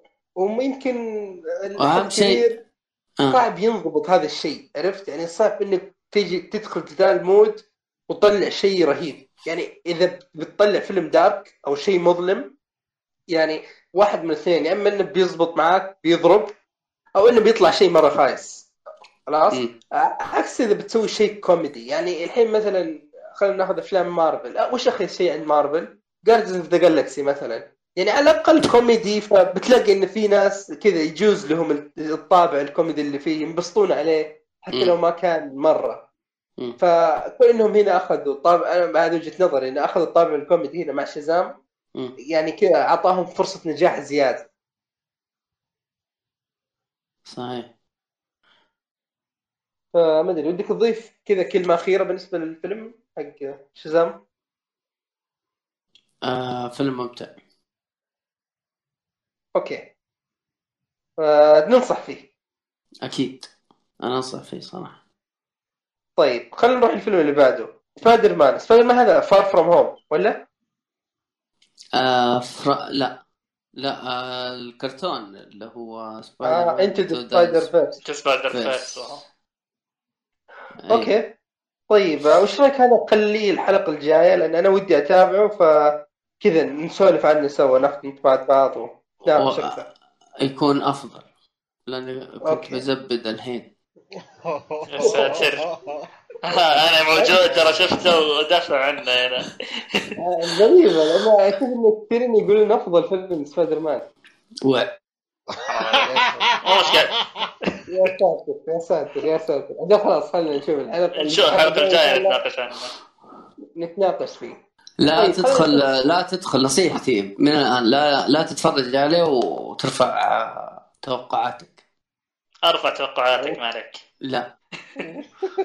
واضح الخلاف اللي بيكون فيه من الآن. طيب. راح ندخل على الأشياء اللي تابعناها وفقرة الأنمي.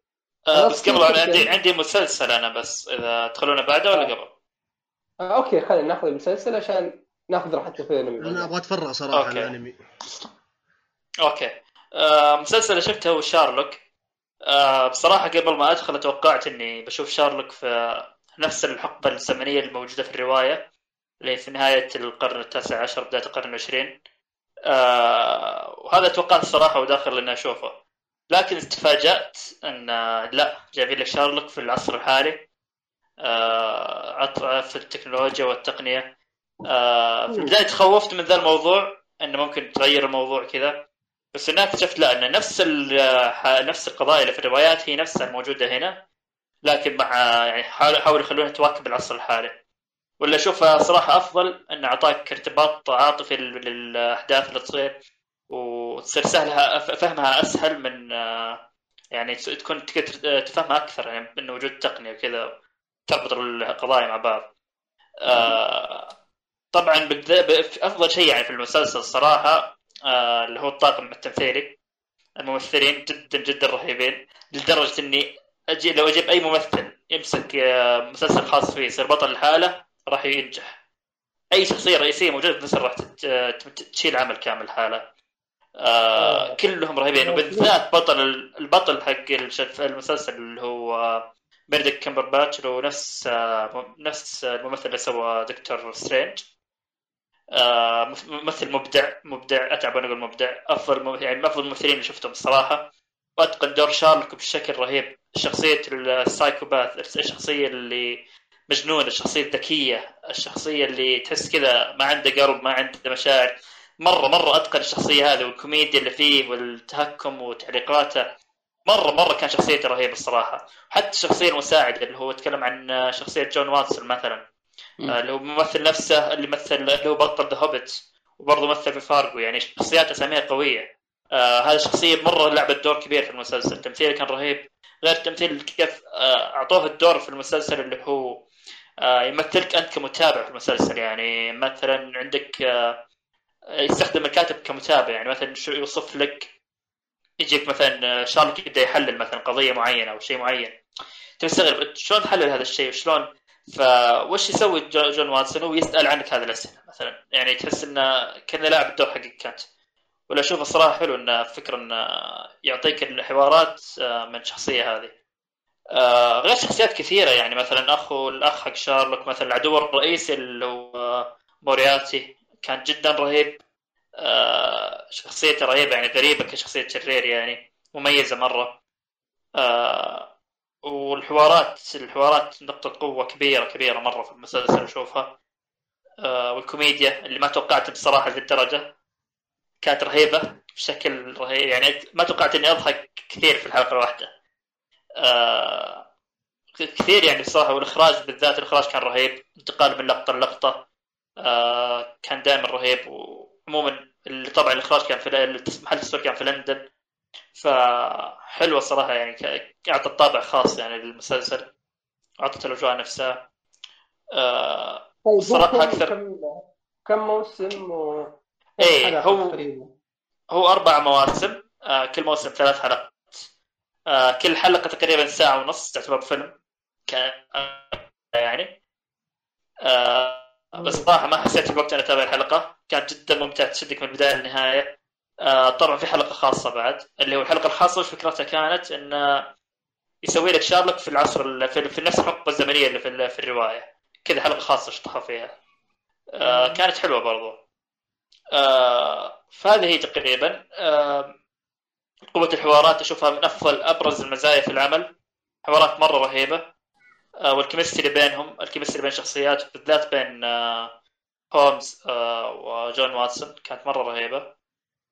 آه وهذه هي يعني بالذات يا أخي في حلقة ما ودي أحرق يعني بس الحلقة الثالثة الموسم الثاني. أتعب وأنا أمدحها هذه حلقة يمكن من أفضل الحلقات شفتها في المسلسلات عموما.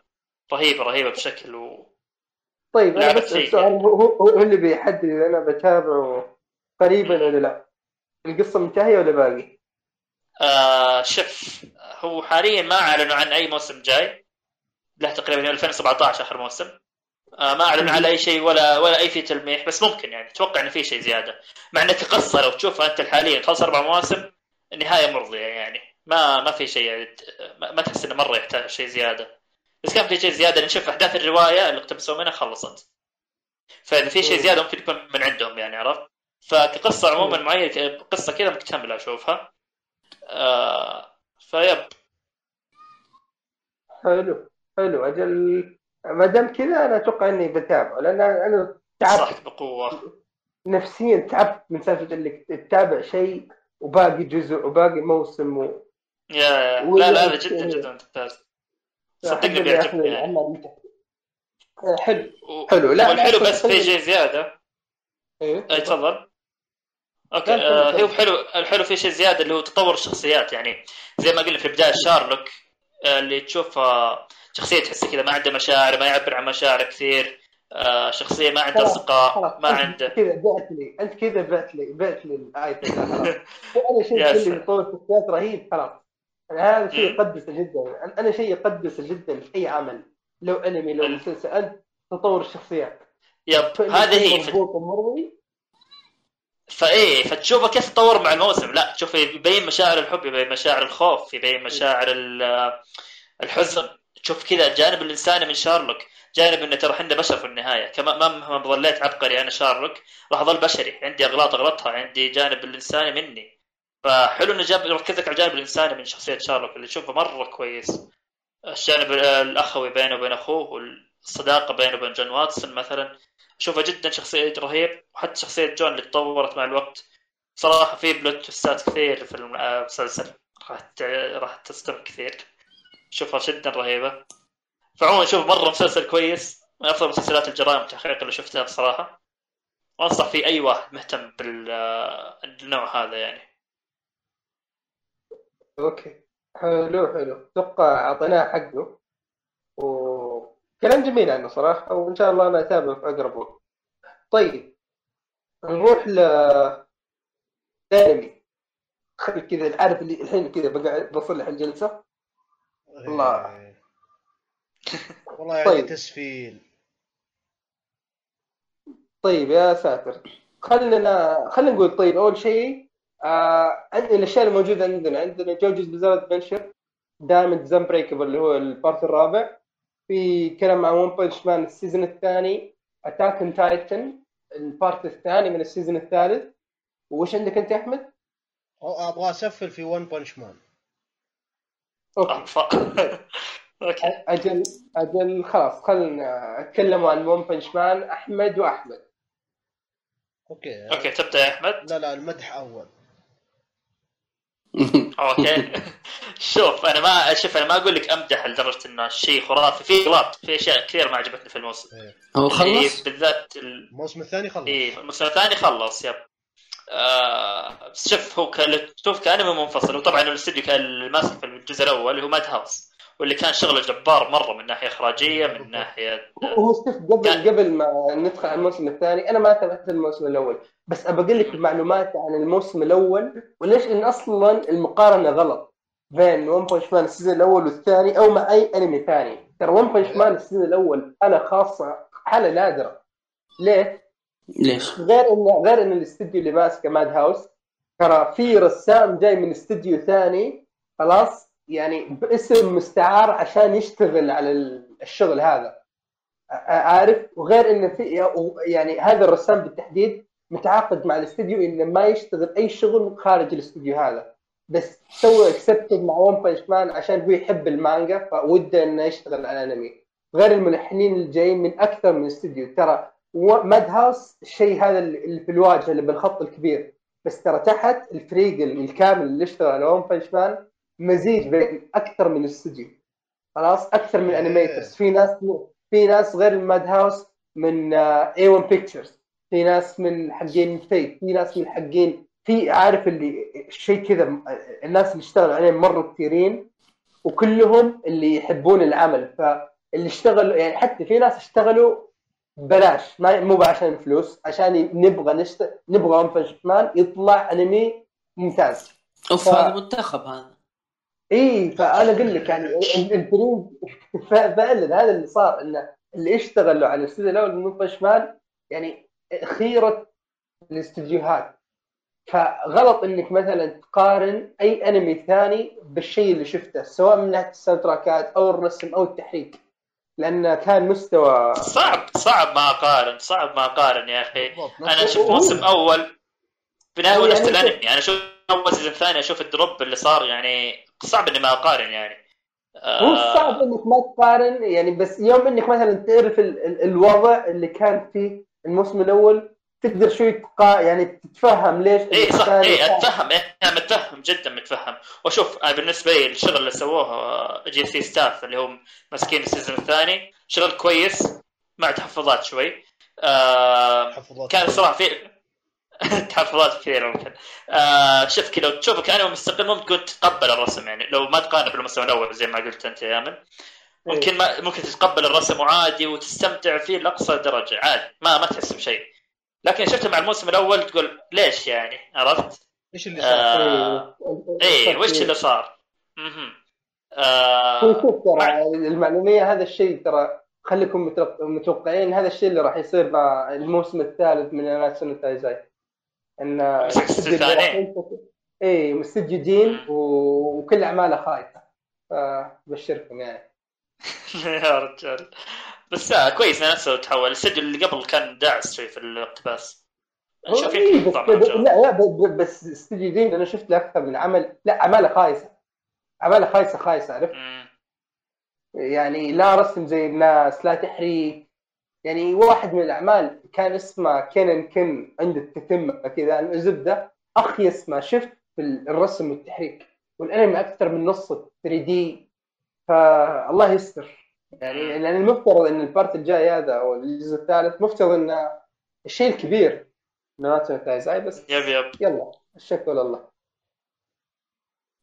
طيب ها كمل. بالنسبة له فعموما إيه.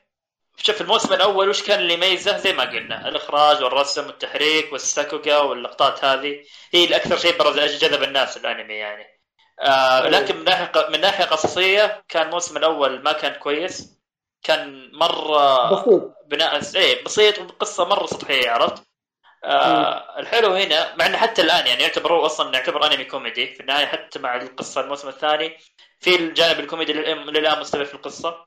آه لكن الحلو انه هنا تعمقوا شخصيات ثانية أكثر القصة تعمقت أكثر من جانب آه منظمة الإشرار اللي طلعت آه الشخصيات اللي طلعت الجديدة مثل جارو ركزوا عليه كثير أعطوه حقه. الشخصيه اشوفها مرة رهيبة وبنوها بشكل كويس. آه، حتى كثير من الأبطال هو وش النظام في عندهم مقسمين إلى فئات أبطال واللي أعلى فئة اللي تعتبر فئة S واللي أشوفهم ركزوا عليهم ذا الموسم مرة بينوا لك جاب أكثر من قتال لأكثر من شخصية من فئة S غير آه، سايتاما البطل يعني. آه، حلو التركيز هذا إن طلعوك من طور سايتاما اللي يجي ينهي قتال بضربه واحدة. مع إنه صارت يعني بس إنه عموما يبقى إنه تنوع كبير الشخصيات يعني. اللي جات يا ما كان في تركيز كبير عليه. فحلو الصراحة. الت- شوف أحيانا التحريك الصراحة يكون حلو. في لقطات حلوة. آه، ما ودي احرق في لقطات كان في بالذات الحلقات الأخيرة. شفت التحريك كان فيها كويس. آه، وهذا هو يعني. بس الآن يعني يظل أنمي كوميدي. لا تتوقع برضو للآن القصة الواو. لكن فيها فيها تعمق هذا الموسم أشوف. فيبقى. احمد عطنا التسهيل طيب آه أنا بالنسبة لي آه، الأنمي من تقريبا الحلقة الأولى والثانية والثالثة أتوقع كنت أقول okay الناس كلهم يعني قاعدين يبالغون ما هو ما هو, ما هو بذاك السوء يعني عرفت كيف؟ إلين ما سويت حاجتين اكتشفت بعد ما سويت الحاجتين هذه إن الأنمي كان كارثة ما كان بس سيء أول شيء رجعت تابعت بعض آه، بعض اللقطات اللي موجودة في ال- في الجزء الأول. و يعني قارنت بين الجزئين. أنت أوكي يا من أنت تقول لي ما يصل ما ينفع مقارنة ما ينفع مقارنة. أنا أقول لك ليش ما ينفع مقارنة؟ إذا كانوا اللي على الجزء الأول اشتغلوا وناس زي يعني زي ما تقول أنت إنهم اشتغلوا بدون فلوس وكذا طيب وينهم في الجزء الثاني؟ هذه واحدة. الأمر الثاني آه الفرق بين التحريك بين القتالات بين بين كمية الأكشن. حتى في الكوميديا كان الجزء الأول أفضل بكثير من الجزء الثاني. هذه النقطة الأولى اللي خلتني أبدأ أسفل في, في الأنمي. الشيء الثاني واللي رفع ضغطي فعلا أن بعد ما خلص الأنمي رحت تابعت المانجا. والشيء اللي ما ضربت حسابه أن الاستديو المعفن هذا اللي ماسك ون بنش مان آه في تخيل يعني بعض اللقطات اللي موجودة في, في المانجا مو جايبها في الأنمي عرفت كيف؟ أوه ما اقتبسوها زين يعني. إي ما ما- يعني ما اقتبسوها كويس يعني. أعتقد هذا أسهل شيء ممكن تسويه. تاخذ حاجة تسوي زيها تطبقها زي ما هي. ترى هذا المفروض يا أحمد هذا المفترض إن إي أنت كذا بتش... أنت تقول كذا. بس ترى أغلب المشاكل اللي صارت في الأنميات إن... إنهم ما هم قاعدين يقتبسون صح. يعني هذه المشكلة اللي صايرة في الموسم الثاني من تايزاي مثلا. هذه هذه المصيبة. اللي صايرة مع غول اي ان إن المانجا خرافية. يعني أنت عندك كل شيء جاهز تقدر تاخذ فريمات بس. حركها. بس. لا. بعضهم لا. ما, ما تدري وش بالضبط. شوف أنا ما. أقول لك أنا ما أقول لك إن الاقتباس حقهم آه يعني كان مؤثر جدا في القصة زي اللي صار مع طوكيو جول مثلا. لكن يظل إنه في في أحداث صارت في المانجا. أنت ما جبتها لي في الأنمي. ليه؟ بعدين حاجة ثانية برضو. الرسم حق ال... آه حق بس دقيقة على نقطة الاقتباس. إيه. على نقطة الاقتباس بس. آه أنا أتفهم أي استديو يمسك مثلا عمل معين ممكن شوي يغير في الاقتباس بحيث أن المانجا تصير مناسبة كأنمي مثلا. لكن أهم شيء ما تخرب الأحداث ما تشيل أحداث موجودة في المانجا. إذا بيسوي لي ممكن إعادة تغير الطريقة ترتيب إيه. مو إيه. يحذف. لا، يب يب غير طريقة السرد. ممكن تغير طريقة سرد أو- القصة أنا مرة أتقبلها عادي بالعكس. بس ما تكتبها بالضبط هذا كان شيء مرة سيء.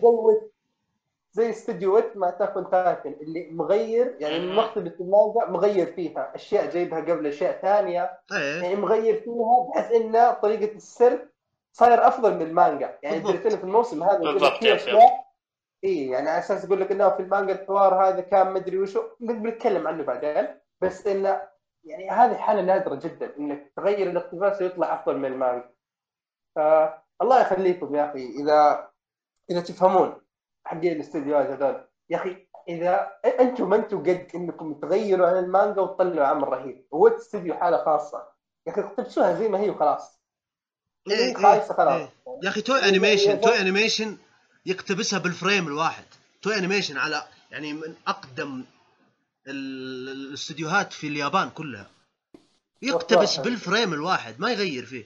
أنت مين عشان تجي تغير لي في أحداث المانجا؟ وبعدين معليش يعني الاستديو الزبال هذا شايفين الرسم حقه كيف كان سيء؟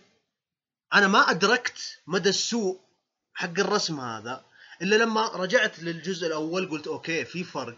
بس ما خلاني أعصب مرة إلين رحت قريت المانجا. oh my God تصميم شخصيات سيء yep. يا أخي المانجا الرسم اللي في المانجا تدري إن إني أقارنه برسم مانجا كينجدوم ورسم مانجا بيرزيرك بيرزيرك اللي هي إيه، تعتبر. top في الرسم. أنا أقارن مانجا ون بانش مان بمانجا بي- بيرزيرك من ناحية الرسم. يعني يعني ما أدري استغفر الله. سبحان الله أنا لاحظت حاجة. بيرزيرك كينجدوم ون بانش مان كلها المانجات حقتها الرسم فيها أسطوري جدا. وتجي على الرسم والأنميات سيئة. سيئة مرة. سيئة يا مرة. الله. هل هي صعبة للدرجة رهيبة ما تقدر تسويها؟ ما أدري. ما أدري صراحة. أنا من يوم شفت المانجا طرطعت صراحة. زعلت جدا جدا جدا. المشكلة اليوم آه، الموسم الأول من 2015 مهم. اي ماخذين وقت طويل. قلت أوه شغالين يلعن شكلهم. في الأخير مطلع لي إيه زبالة هذا. أنا مقتنع إن مؤخرا ترى متى نزل الانمي هذا ما هو بشيء يأثر على الجودة. يعني مثلا شوف فيت فيت زيرو 2012 قبل كم؟ سبع سنوات. ورسمه إلى الآن ما في رسم زيه إلا إلا يعني ما تفوق عليه إلا فيت اللي بعده وأتوقع يمكن الين تجي 2020 وبعد ما بتلاقي شيء بمستوى ذاك الرسم. ف يا يا الوقت ما يأثر الصراحة. حتى تشوف مثلا ون بيس أشوف آه، في بدايته بالنسبة لي الرسم كان أحسن من الآن في الأنمي يعني. يعني ما له دخل الوقت معين إنه قديم يعني رسم سيء. هو الجهد اللي يحط جهد معين يطلع له نتيجة كويسة. اللي بس قاعد يسلك لي يطلع لي ون بنش مان season 2 لا أنا أقصد يعني في فترة في فترة يعني. أربعة ما ما استعجلوا فيه. ماخذين وقت. yep yep. كان كأنهم قاعدين يطوروا لعبة. إيه بالضبط. شوف هو عشان ما نظلم الاستديو مرة. أنت لا تفكر لا تقارن لا لو لو حاولت مثلا زي ما قال يامن لا تقارن لا بمانجا لا تقارن بأنمي آه المستوى الأول لا تقارن بشيء ثاني لو تشوفه كانمي منفصل راح تتقبله هاي الفكرة بالضبط، يعني بالضبط إذا هذه- كنت. إذا كنت جاهل بالسيزون الأول وإذا كنت جاهل بال- بالمانجا راح تقول okay بالمانجا هذا yep yep. الأنمي okay كويس يمشي. جيد يا بالضبط. كويس إيه لكن تتفاجأ بمدى مشكلة إيه، لما بالضبط. تشوف الأساطير اللي انص- انصنعت معه season 1 والمانجا كانت جدا كويسة بالضبط. okay. حلو. okay طيب بتضيفون شيء بالنسبة ل... لا بس طيب، انصح يعني اللي اللي ما تا... اللي ما تابع الموسم الثاني يعني لو تشوف مانجا أتوقع يكون أحسن لك. بالضبط. ولو ان الانمي مو بذاك الستو يعني لكن أفضل لك شوف. هو نزل في نتفلكس ولا لسه؟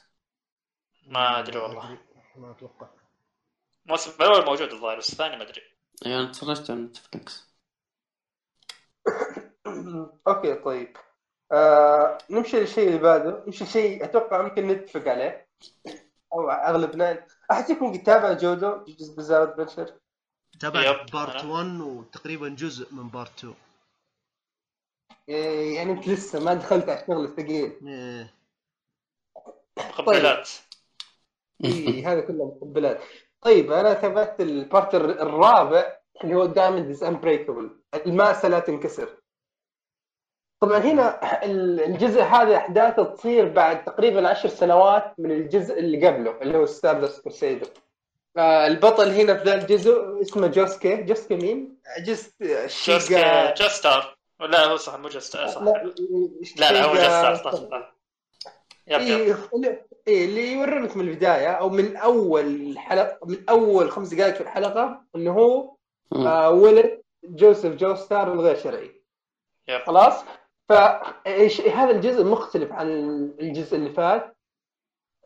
أو خلي أقدر يمكن حتى أقول الجزئين اللي فاتت انه أول شيء هنا ال- الأحداث تصير في اليابان قرية صغيرة.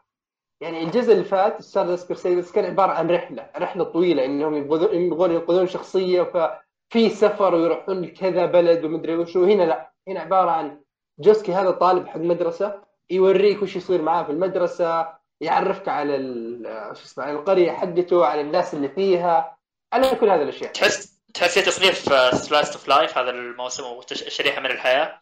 ركزوا على يعني- الجانب كثير يعني إلى حد ما إي يعني هذا النقطة الاختلاف الكبيرة. يعني هذا الشيء اللي يميز هذا الجزء بالذات yep yep. يخليه مختلف عن باقي الأجزاء. إنه لا يعني تحس زي مثلا زي لعبة Resident Evil زي مثلا إنك تلعب 6 اللي يروح بين ما أدري يسافر بين كم مدينة وفي كم مكان الأحداث تصير ومثلا 7 الأحداث كلها في بيت صغير بحيث انك ت- تحفظ المكان. فهنا تبدأ يعني لدرجه إنك تعرف بعد ال... تعرف بعض المعالم اللي في ال... في القرية حقتهم تعرف بعض الشخصيات. آه هو طبعا 39 حلقة هذا ال part. خلاص؟ آه ما أدري إيش أقول يعني بشكل عام ما بقول إنه أفضل أجزاء جوجو. خلاص؟ يعني ما هو بأقل ما هو بأفضل من Stardust Crusaders لكن ما هو بأقل منه. عرفت؟ يعني أقدر أقول تقريبا بنفس المستوى. آه الشيء اللي ميزه إنه يعني أخذ اتجاه شوية مختلف.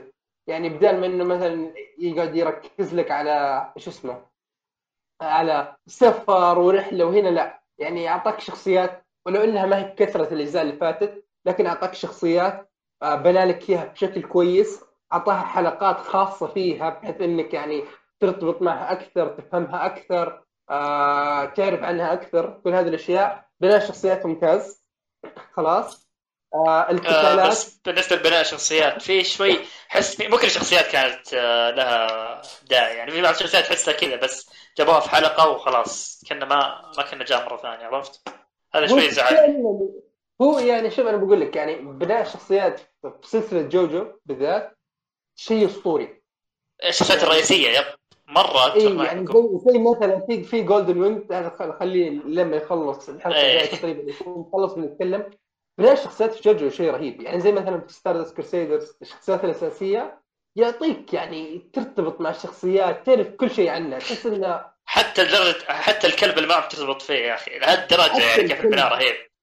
يعني تخيل حتى الكلب يعني أنت تتفاعل معاه وتتأثر مع المواقف اللي تصير معاه فالبناء والكتابة وكل هذه الأشياء عندهم رهيبة جدا. خلاص؟ آه في هذا الجزء يعني هذا الشيء يستمر. خلاص؟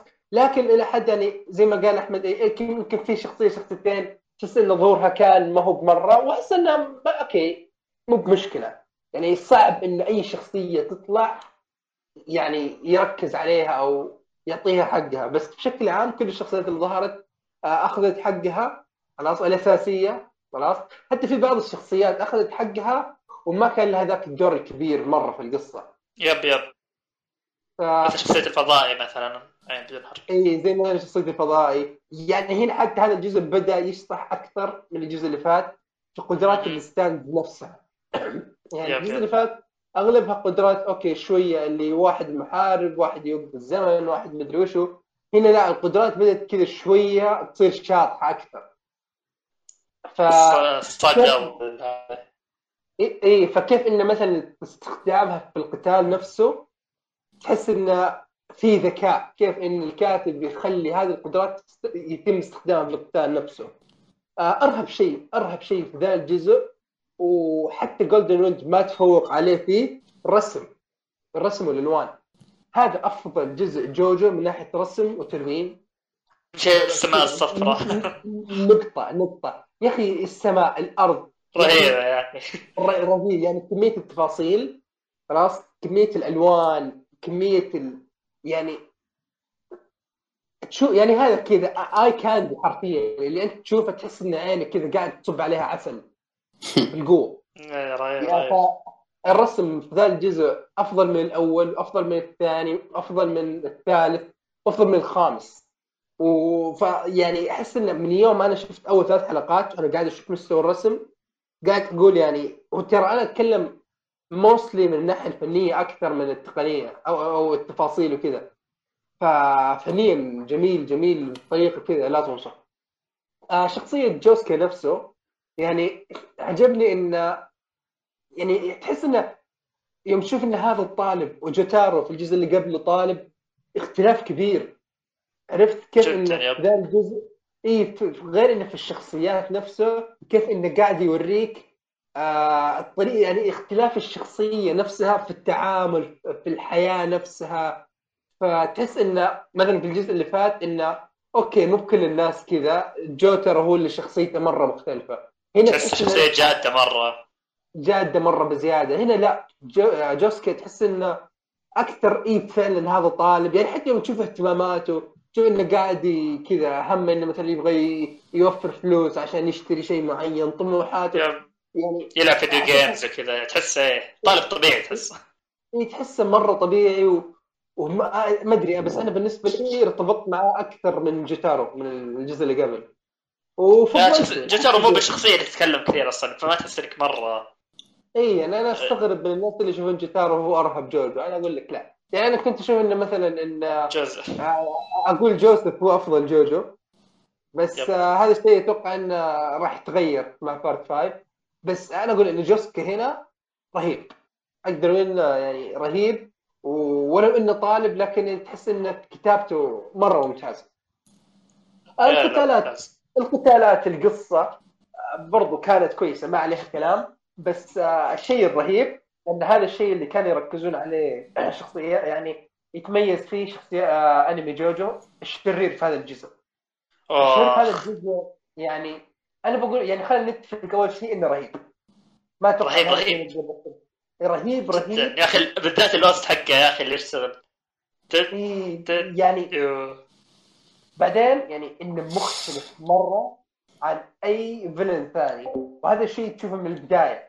إن هذا يعني مو مثلا زي Frieza حق Dragon Ball اللي يبغى يسيطر على الكون ومدري وشو ولا مثلا زي حق Boku no Hero اللي لا يبغى لا تروح بعيد خليك مو مثل ديو يعني.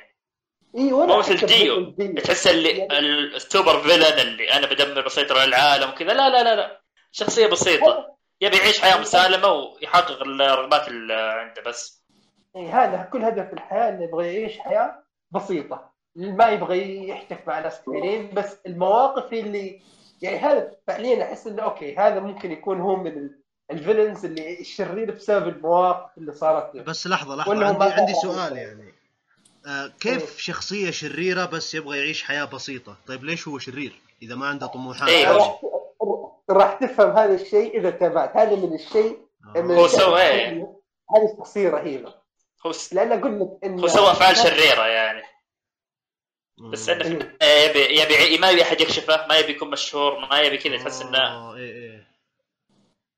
فلا ف- هو يعني الشخصيه الشرير هذا مختلف عن أي شرير أنا قد شفته من قبل في أي أنمي ثاني. يعني مثلا لا تحس ما بدي أتكلم عنه كثير عشان ما أخرب لك إذا جيت تكمل بعدين بس الشرير رهيب قدرته رهيبة واللي يعجبني أكثر وأكثر إنه حتى في ذا ال part تحس إنه في قصة من الجزء اللي قبل. قاعد يعني في شخصية موجودة من ذاك الجزء موجودة هنا قاعدة تكمل معك في قصه تحس ارتباط، إيه. اي في ارتباط بالجزء اللي قبل برضو. يعني زي مثلا آه، السر حق ال... يعني ال- ال- الجزء الأول اللي قبله Stardust Crusaders اللي خلينا نقول ممكن نقول هو البداية الفعلية لجوجو. يعني فكرة إن شخصية جوتارو فجأة ظهر ال Stand لما. ينتهي Stardust Crusaders أنت ما أنت بعارف ليش فجأة هذه الناس بدأت تكتسب قدرات؟ هنا يبدأ يعطيك كذا شوي زيادة. يعني مو بس يعطيك قصة جديدة وعالم جديد لا. قاعد يعطيك أشياء تفاصيل زيادة عن الأجزاء اللي فاتت. يعطيك برضو شخصيات من الجزء اللي فات وتكمل معاك هنا أو لها وجود حتى لو مو باساس على أساس إنه تحس إنه شوية في ارتباط حتى بين الأجزاء. فجوجو يعني Diamond is Unbreakable يعني جزء جميل جدا. أثبت لي إن يعني جوجو فعلا من أفضل الأنميات الموجودة. و أدري عندك كلمة أخيرة يا أحمد بالنسبة ل... آه عموما اي بس كلمة أخيرة إن آه، في النهاية أشوف آه جزء يعني شاطح شوي من جوجو آه تقريبا تصنيفه مختلف نوعا ما. آه اشوفه حلو إنه جاء حلو إنه جاء بعد ال part الثالث اللي كان يعني آه تحس كان جاد أكثر ال part الخامس الثالث. وهذا اللي أعطاك شوي آه، جو رايق. أشوفه جدا كان اختلاف تنويع حلو بال part الثالث. آه حتى يعني ال part الخامس لو تشوفه رجع الجديه أكثر. فحلو كان ال- التنوع بين ال- النص ال part الرابع كان مكانه ممتاز جدا في القصة. ف yep. صح فعلا. ف طيب هل انت هل تعتبره أفضل جزء جوجو الان؟ لا لا. آه، شوف ما أقدر ما أقدر أقارن اجزاء جوجو. يعني لو فضلت على شيء على ثاني بيكون فرق مرة بسيط عرفت؟ ما أقدر هذا الشيء إيه. مرة رهيب هذا الشيء مرة سيء. لا كلها رهيبة. في شيء أفضل من الثاني يعني بالنسبة لي أشوف ال part ال- ال part الثاني أشوفه حاليا. ال part الثاني آه. ممكن ممكن. الثالث والخامس إيه. الثالث والخامس آه كلها كانت بعد رهيبة. والرابع رهيب. ما أقدر أشوف ما أقدر أفضل أحد على الثاني يعني تفضيل مطلق يعني. كل واحد له شيء جو الصراحة. مم، حلو حلو. وانت وش طيب. بالنسبة لك؟ والله أنا الآن هو إنه كذا ما بحط الخامس في الحسبة. خلاص لأن آه، خلي يخلص بعدين بي يعني الأشياء يمكن تتغير. بس الآن أقدر أقول إن الثالث يعني الأفضل. يعني الثالث إنه أفضل أفضل part الجوجو بس أفضل شخصية هي جوزيف اللي في ال part الثاني. yep جوز اي مرة رهيب. فبس يعني أتوقع هذا بالنسبة ل JoJo's Bizarre Adventure Diamond is Unbreakable آه نروح اللي بعده؟ يلا. أتوقع هذا اللي اللي راح نختم فيه. ويمكن أكبر شيء الحلقة دي اللي هو ال part الثاني من الموسم الثالث من Attack on Titan oh my God. تطبيل يا شباب تطبيل. كلكم تابعته ولا ولا محمد تابعته؟ لا أنا ما شفته أنا الثاني أحمد ما شفته. ويامن شفتوه صح؟ إيه شفت أنا حلو طيب، أنا شفت؟ يعني أنا يوم نزلت أول حلقة من ال part الثاني بديت أتابع ال part الأول فخلصته وتابعت الحلقة وبعدين بديت أتابع أسبوع بأسبوع يعني ما ف- تعلقت زينا؟ لا أنا ما تعلقت زيكم لأن صراحة بعد الجزء بعد الموسم الثاني ما كان في ذاك الحماس للموسم الثالث إيه صار يوم قال إنه في في- تكملة وكذا قلت خلاص خلي لين تبدأ التكملة ثم بتابع. ف ودكم نتكلم عن الجزء الثالث ككل ولا ال part الثاني بس؟ okay. أتكلم ببدا صراحة. okay طيب آه، خلينا نتكلم عن ال part الثالث آه، ال part الثاني.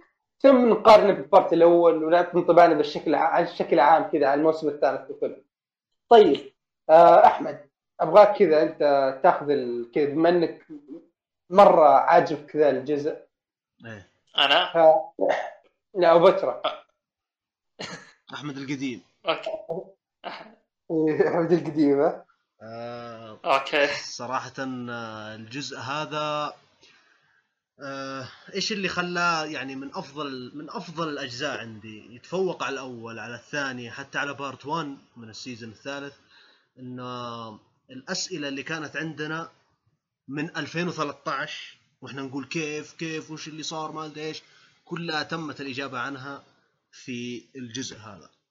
فهذا من يعني الشيء اللي رفع الجزء هذا بالنسبة أو ال part 2 بالنسبة لي هو أن بدت الأسرار تنكشف بدينا نف... بدينا نشوف الصورة بشكل كامل okay ال action اللي صار في ال... في ها- part الجزء. هذا لا لا في في, في part 2 الأكشن اللي صار كويس.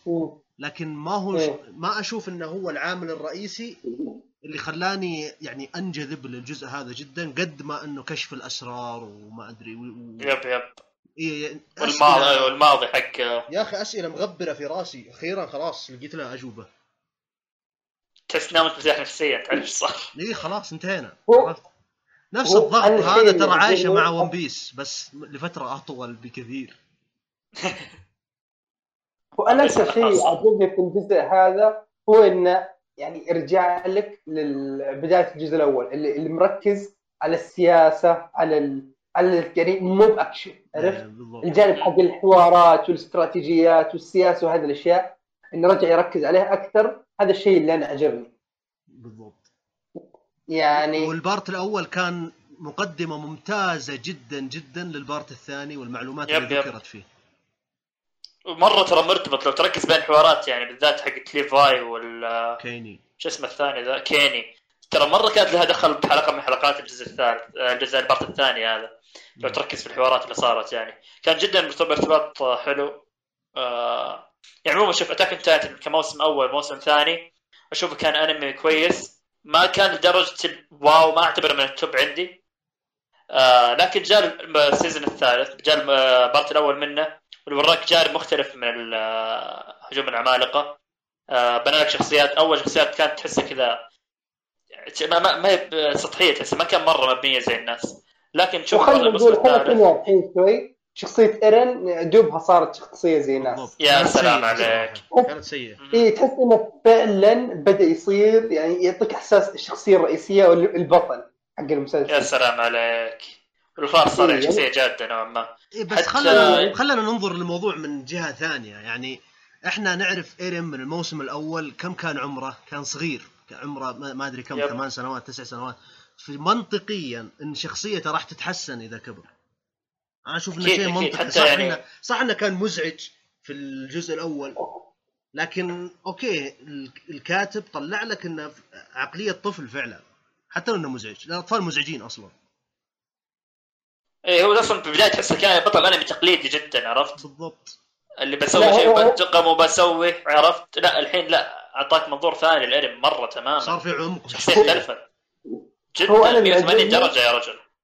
اللي عجبني إن هذا الشيء صاير بالتدريج. يعني لو تشوف إنه مثلا من بداية ال part الأول حق ال season الثالث يوم اختطفوه ثم يوم انحبس في ذاك المكان ثم يوم جو ينقذوه ثم العملاق الك- الضخم مرة. آه عرفت؟ بدون حرق يعني آه. اي من غير ما ندخل في التفاصيل مرة. ثم ثم في خلينا نقول انه في منطقة معينة صار فيها جاب زمني جاب لك الأحداث بعد الجاب الزمني هذا. تحس إن ال- الفترة هذه بالذات في الموسم الثالث كامل ككل.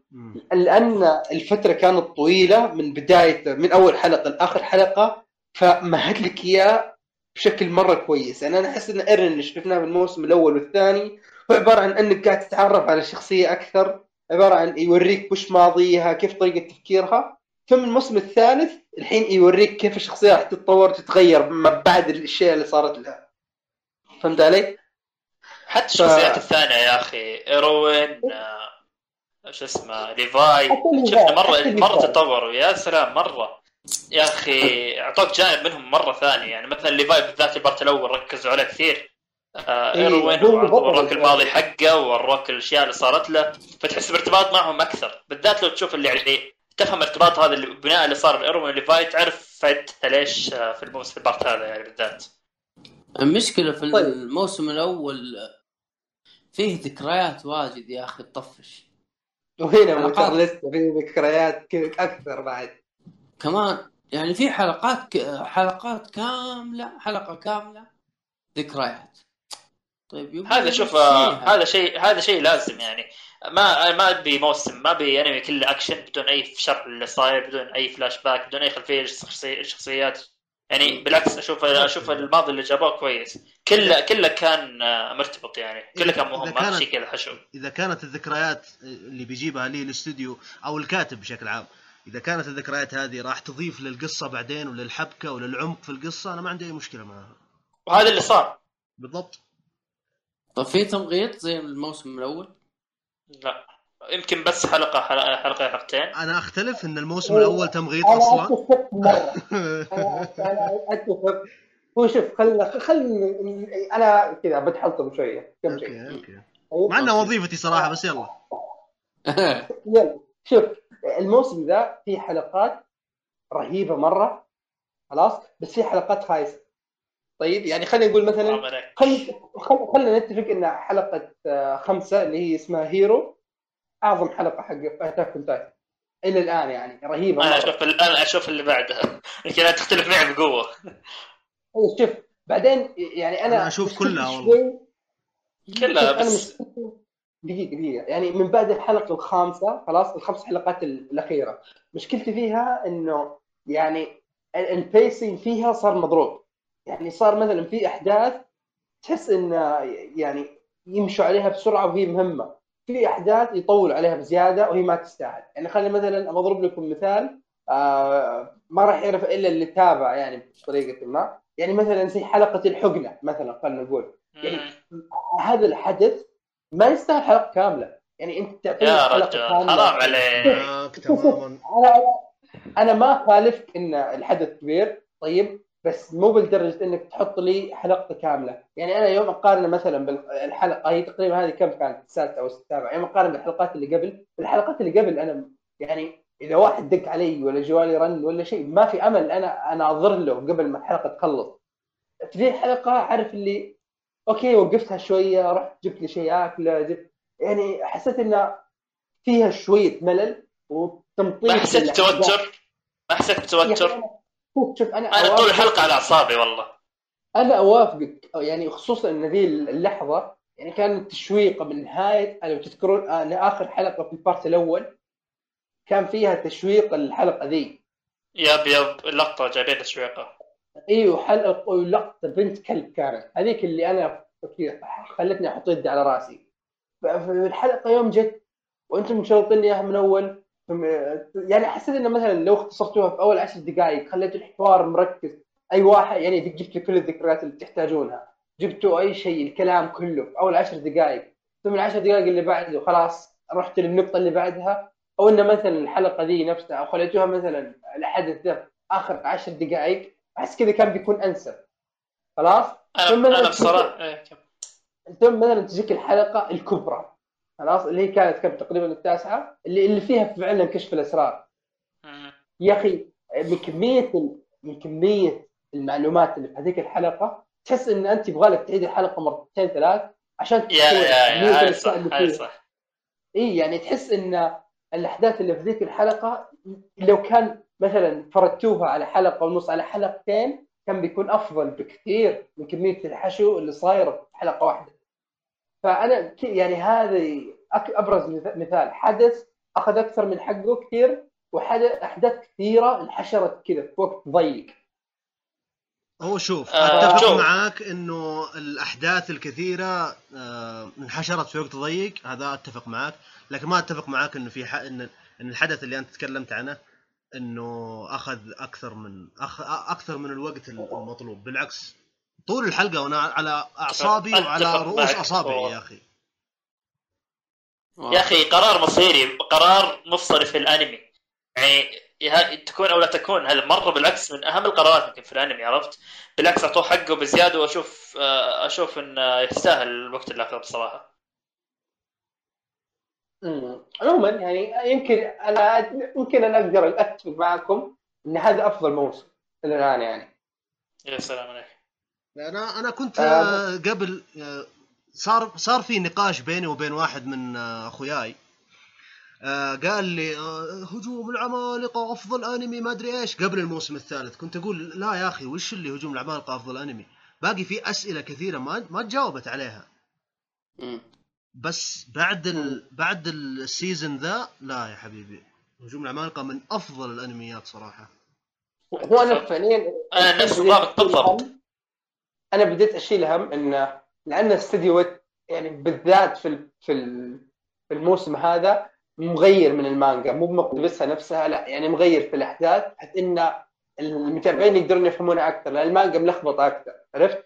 إيه. فالحين شوف الموسم افضل الجاي طيب إن الموسم الجاي راح يكون آخر موسم بس ما راح يكون من نفس الاستديو هذا هو المشكلة آه. لا لا من Wit Wit هم لا يا في كلام ان لا لا ترى الكلام شوف مك... لأن يقولون عليهم ضرائب عالية بالنسبة للعمل هذا بالذات ومدري وشو.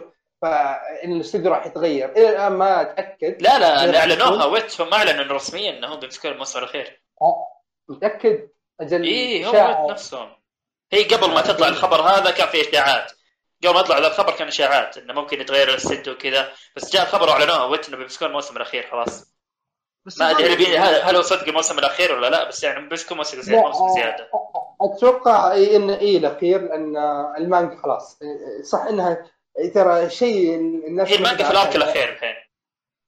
بس ترى هي مطولة لأنها شهرية مو بان. أي سنة ثاني يعني ترى Attack on Titan المانجا الحين كم؟ يعني ما وصلت 200 chapter.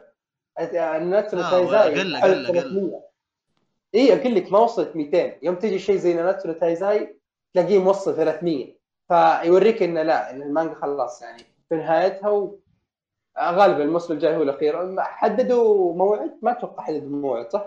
2020 2020 إيه، قالوا قالوا بس. 2020 الشيء اللي متخوف منه آه. صراحة إنه آه الحين في في الجزء هذا تونا بدينا نكتشف الأسرار ولا يزال في أسرار غامضة ولا يزال يعني ال- يعني في أسرار يعني جاتنا مع الموسم هذا أوكي؟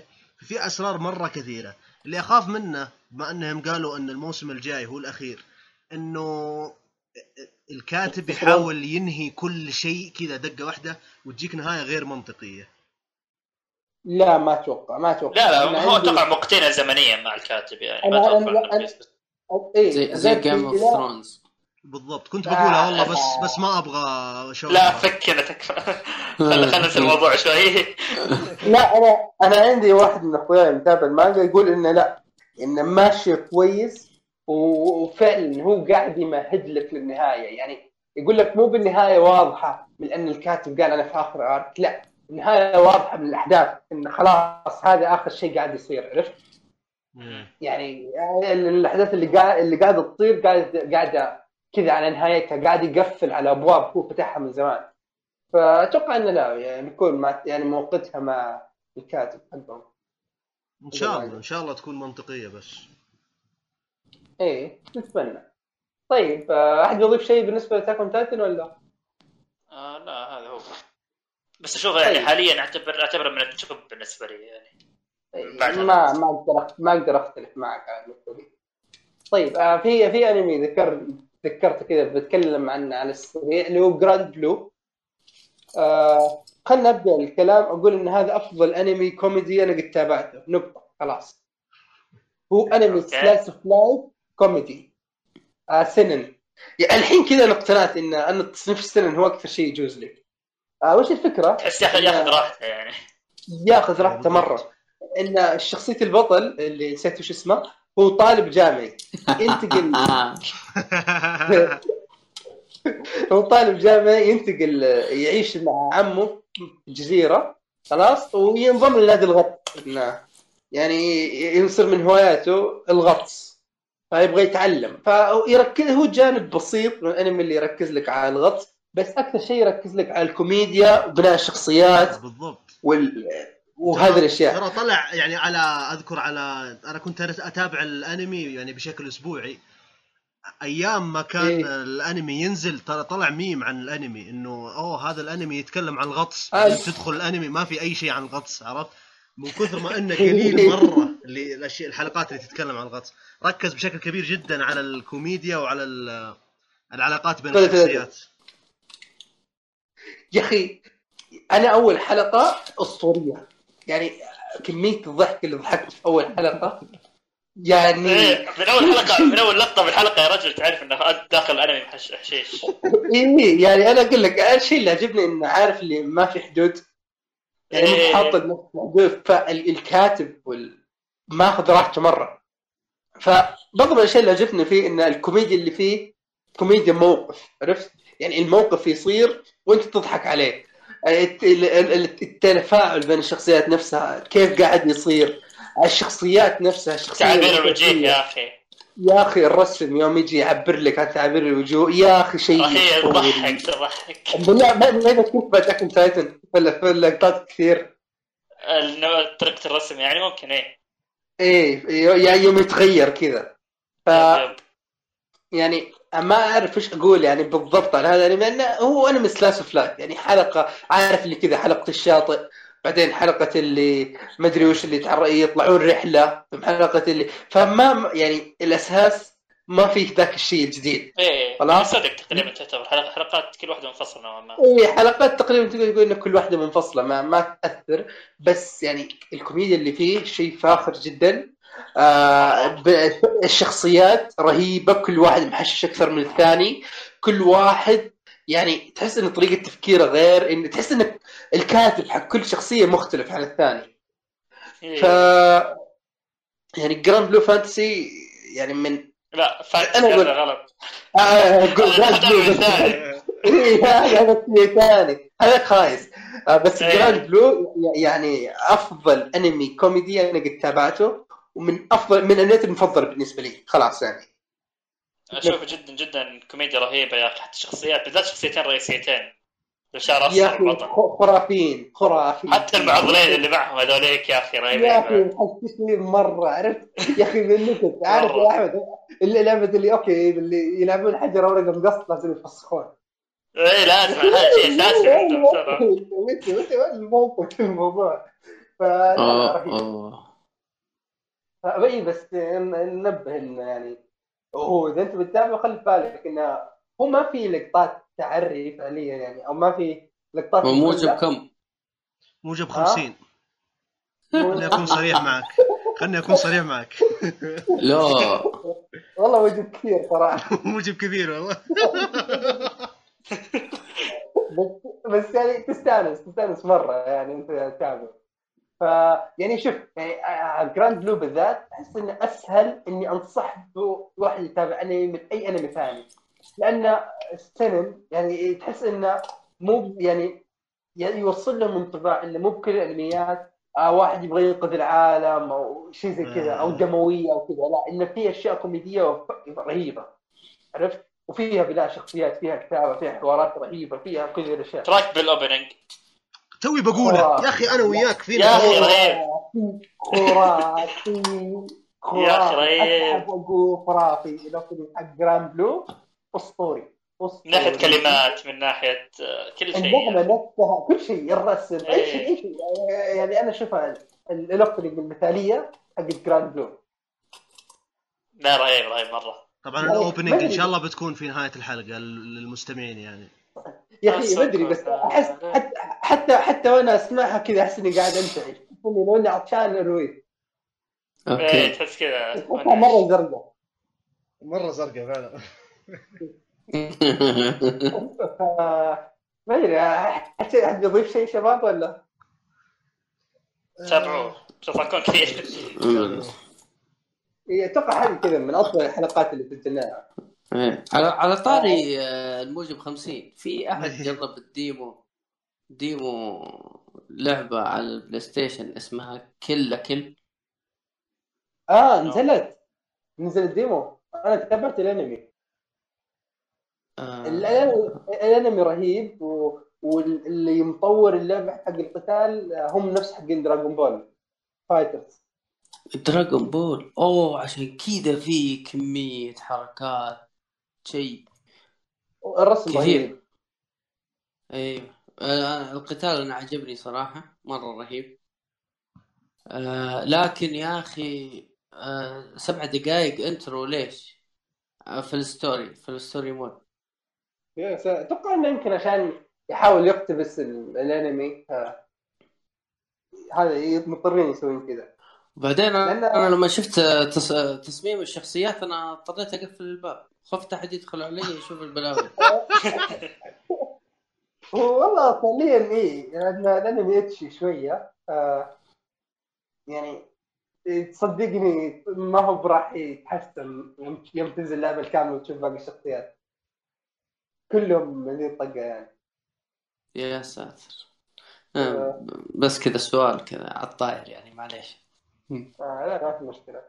فعموما أتوقع إن كذا هذه حلقتنا حلقة 78 من بودكاست بيوند أتمنى انكم استانستوا فيها.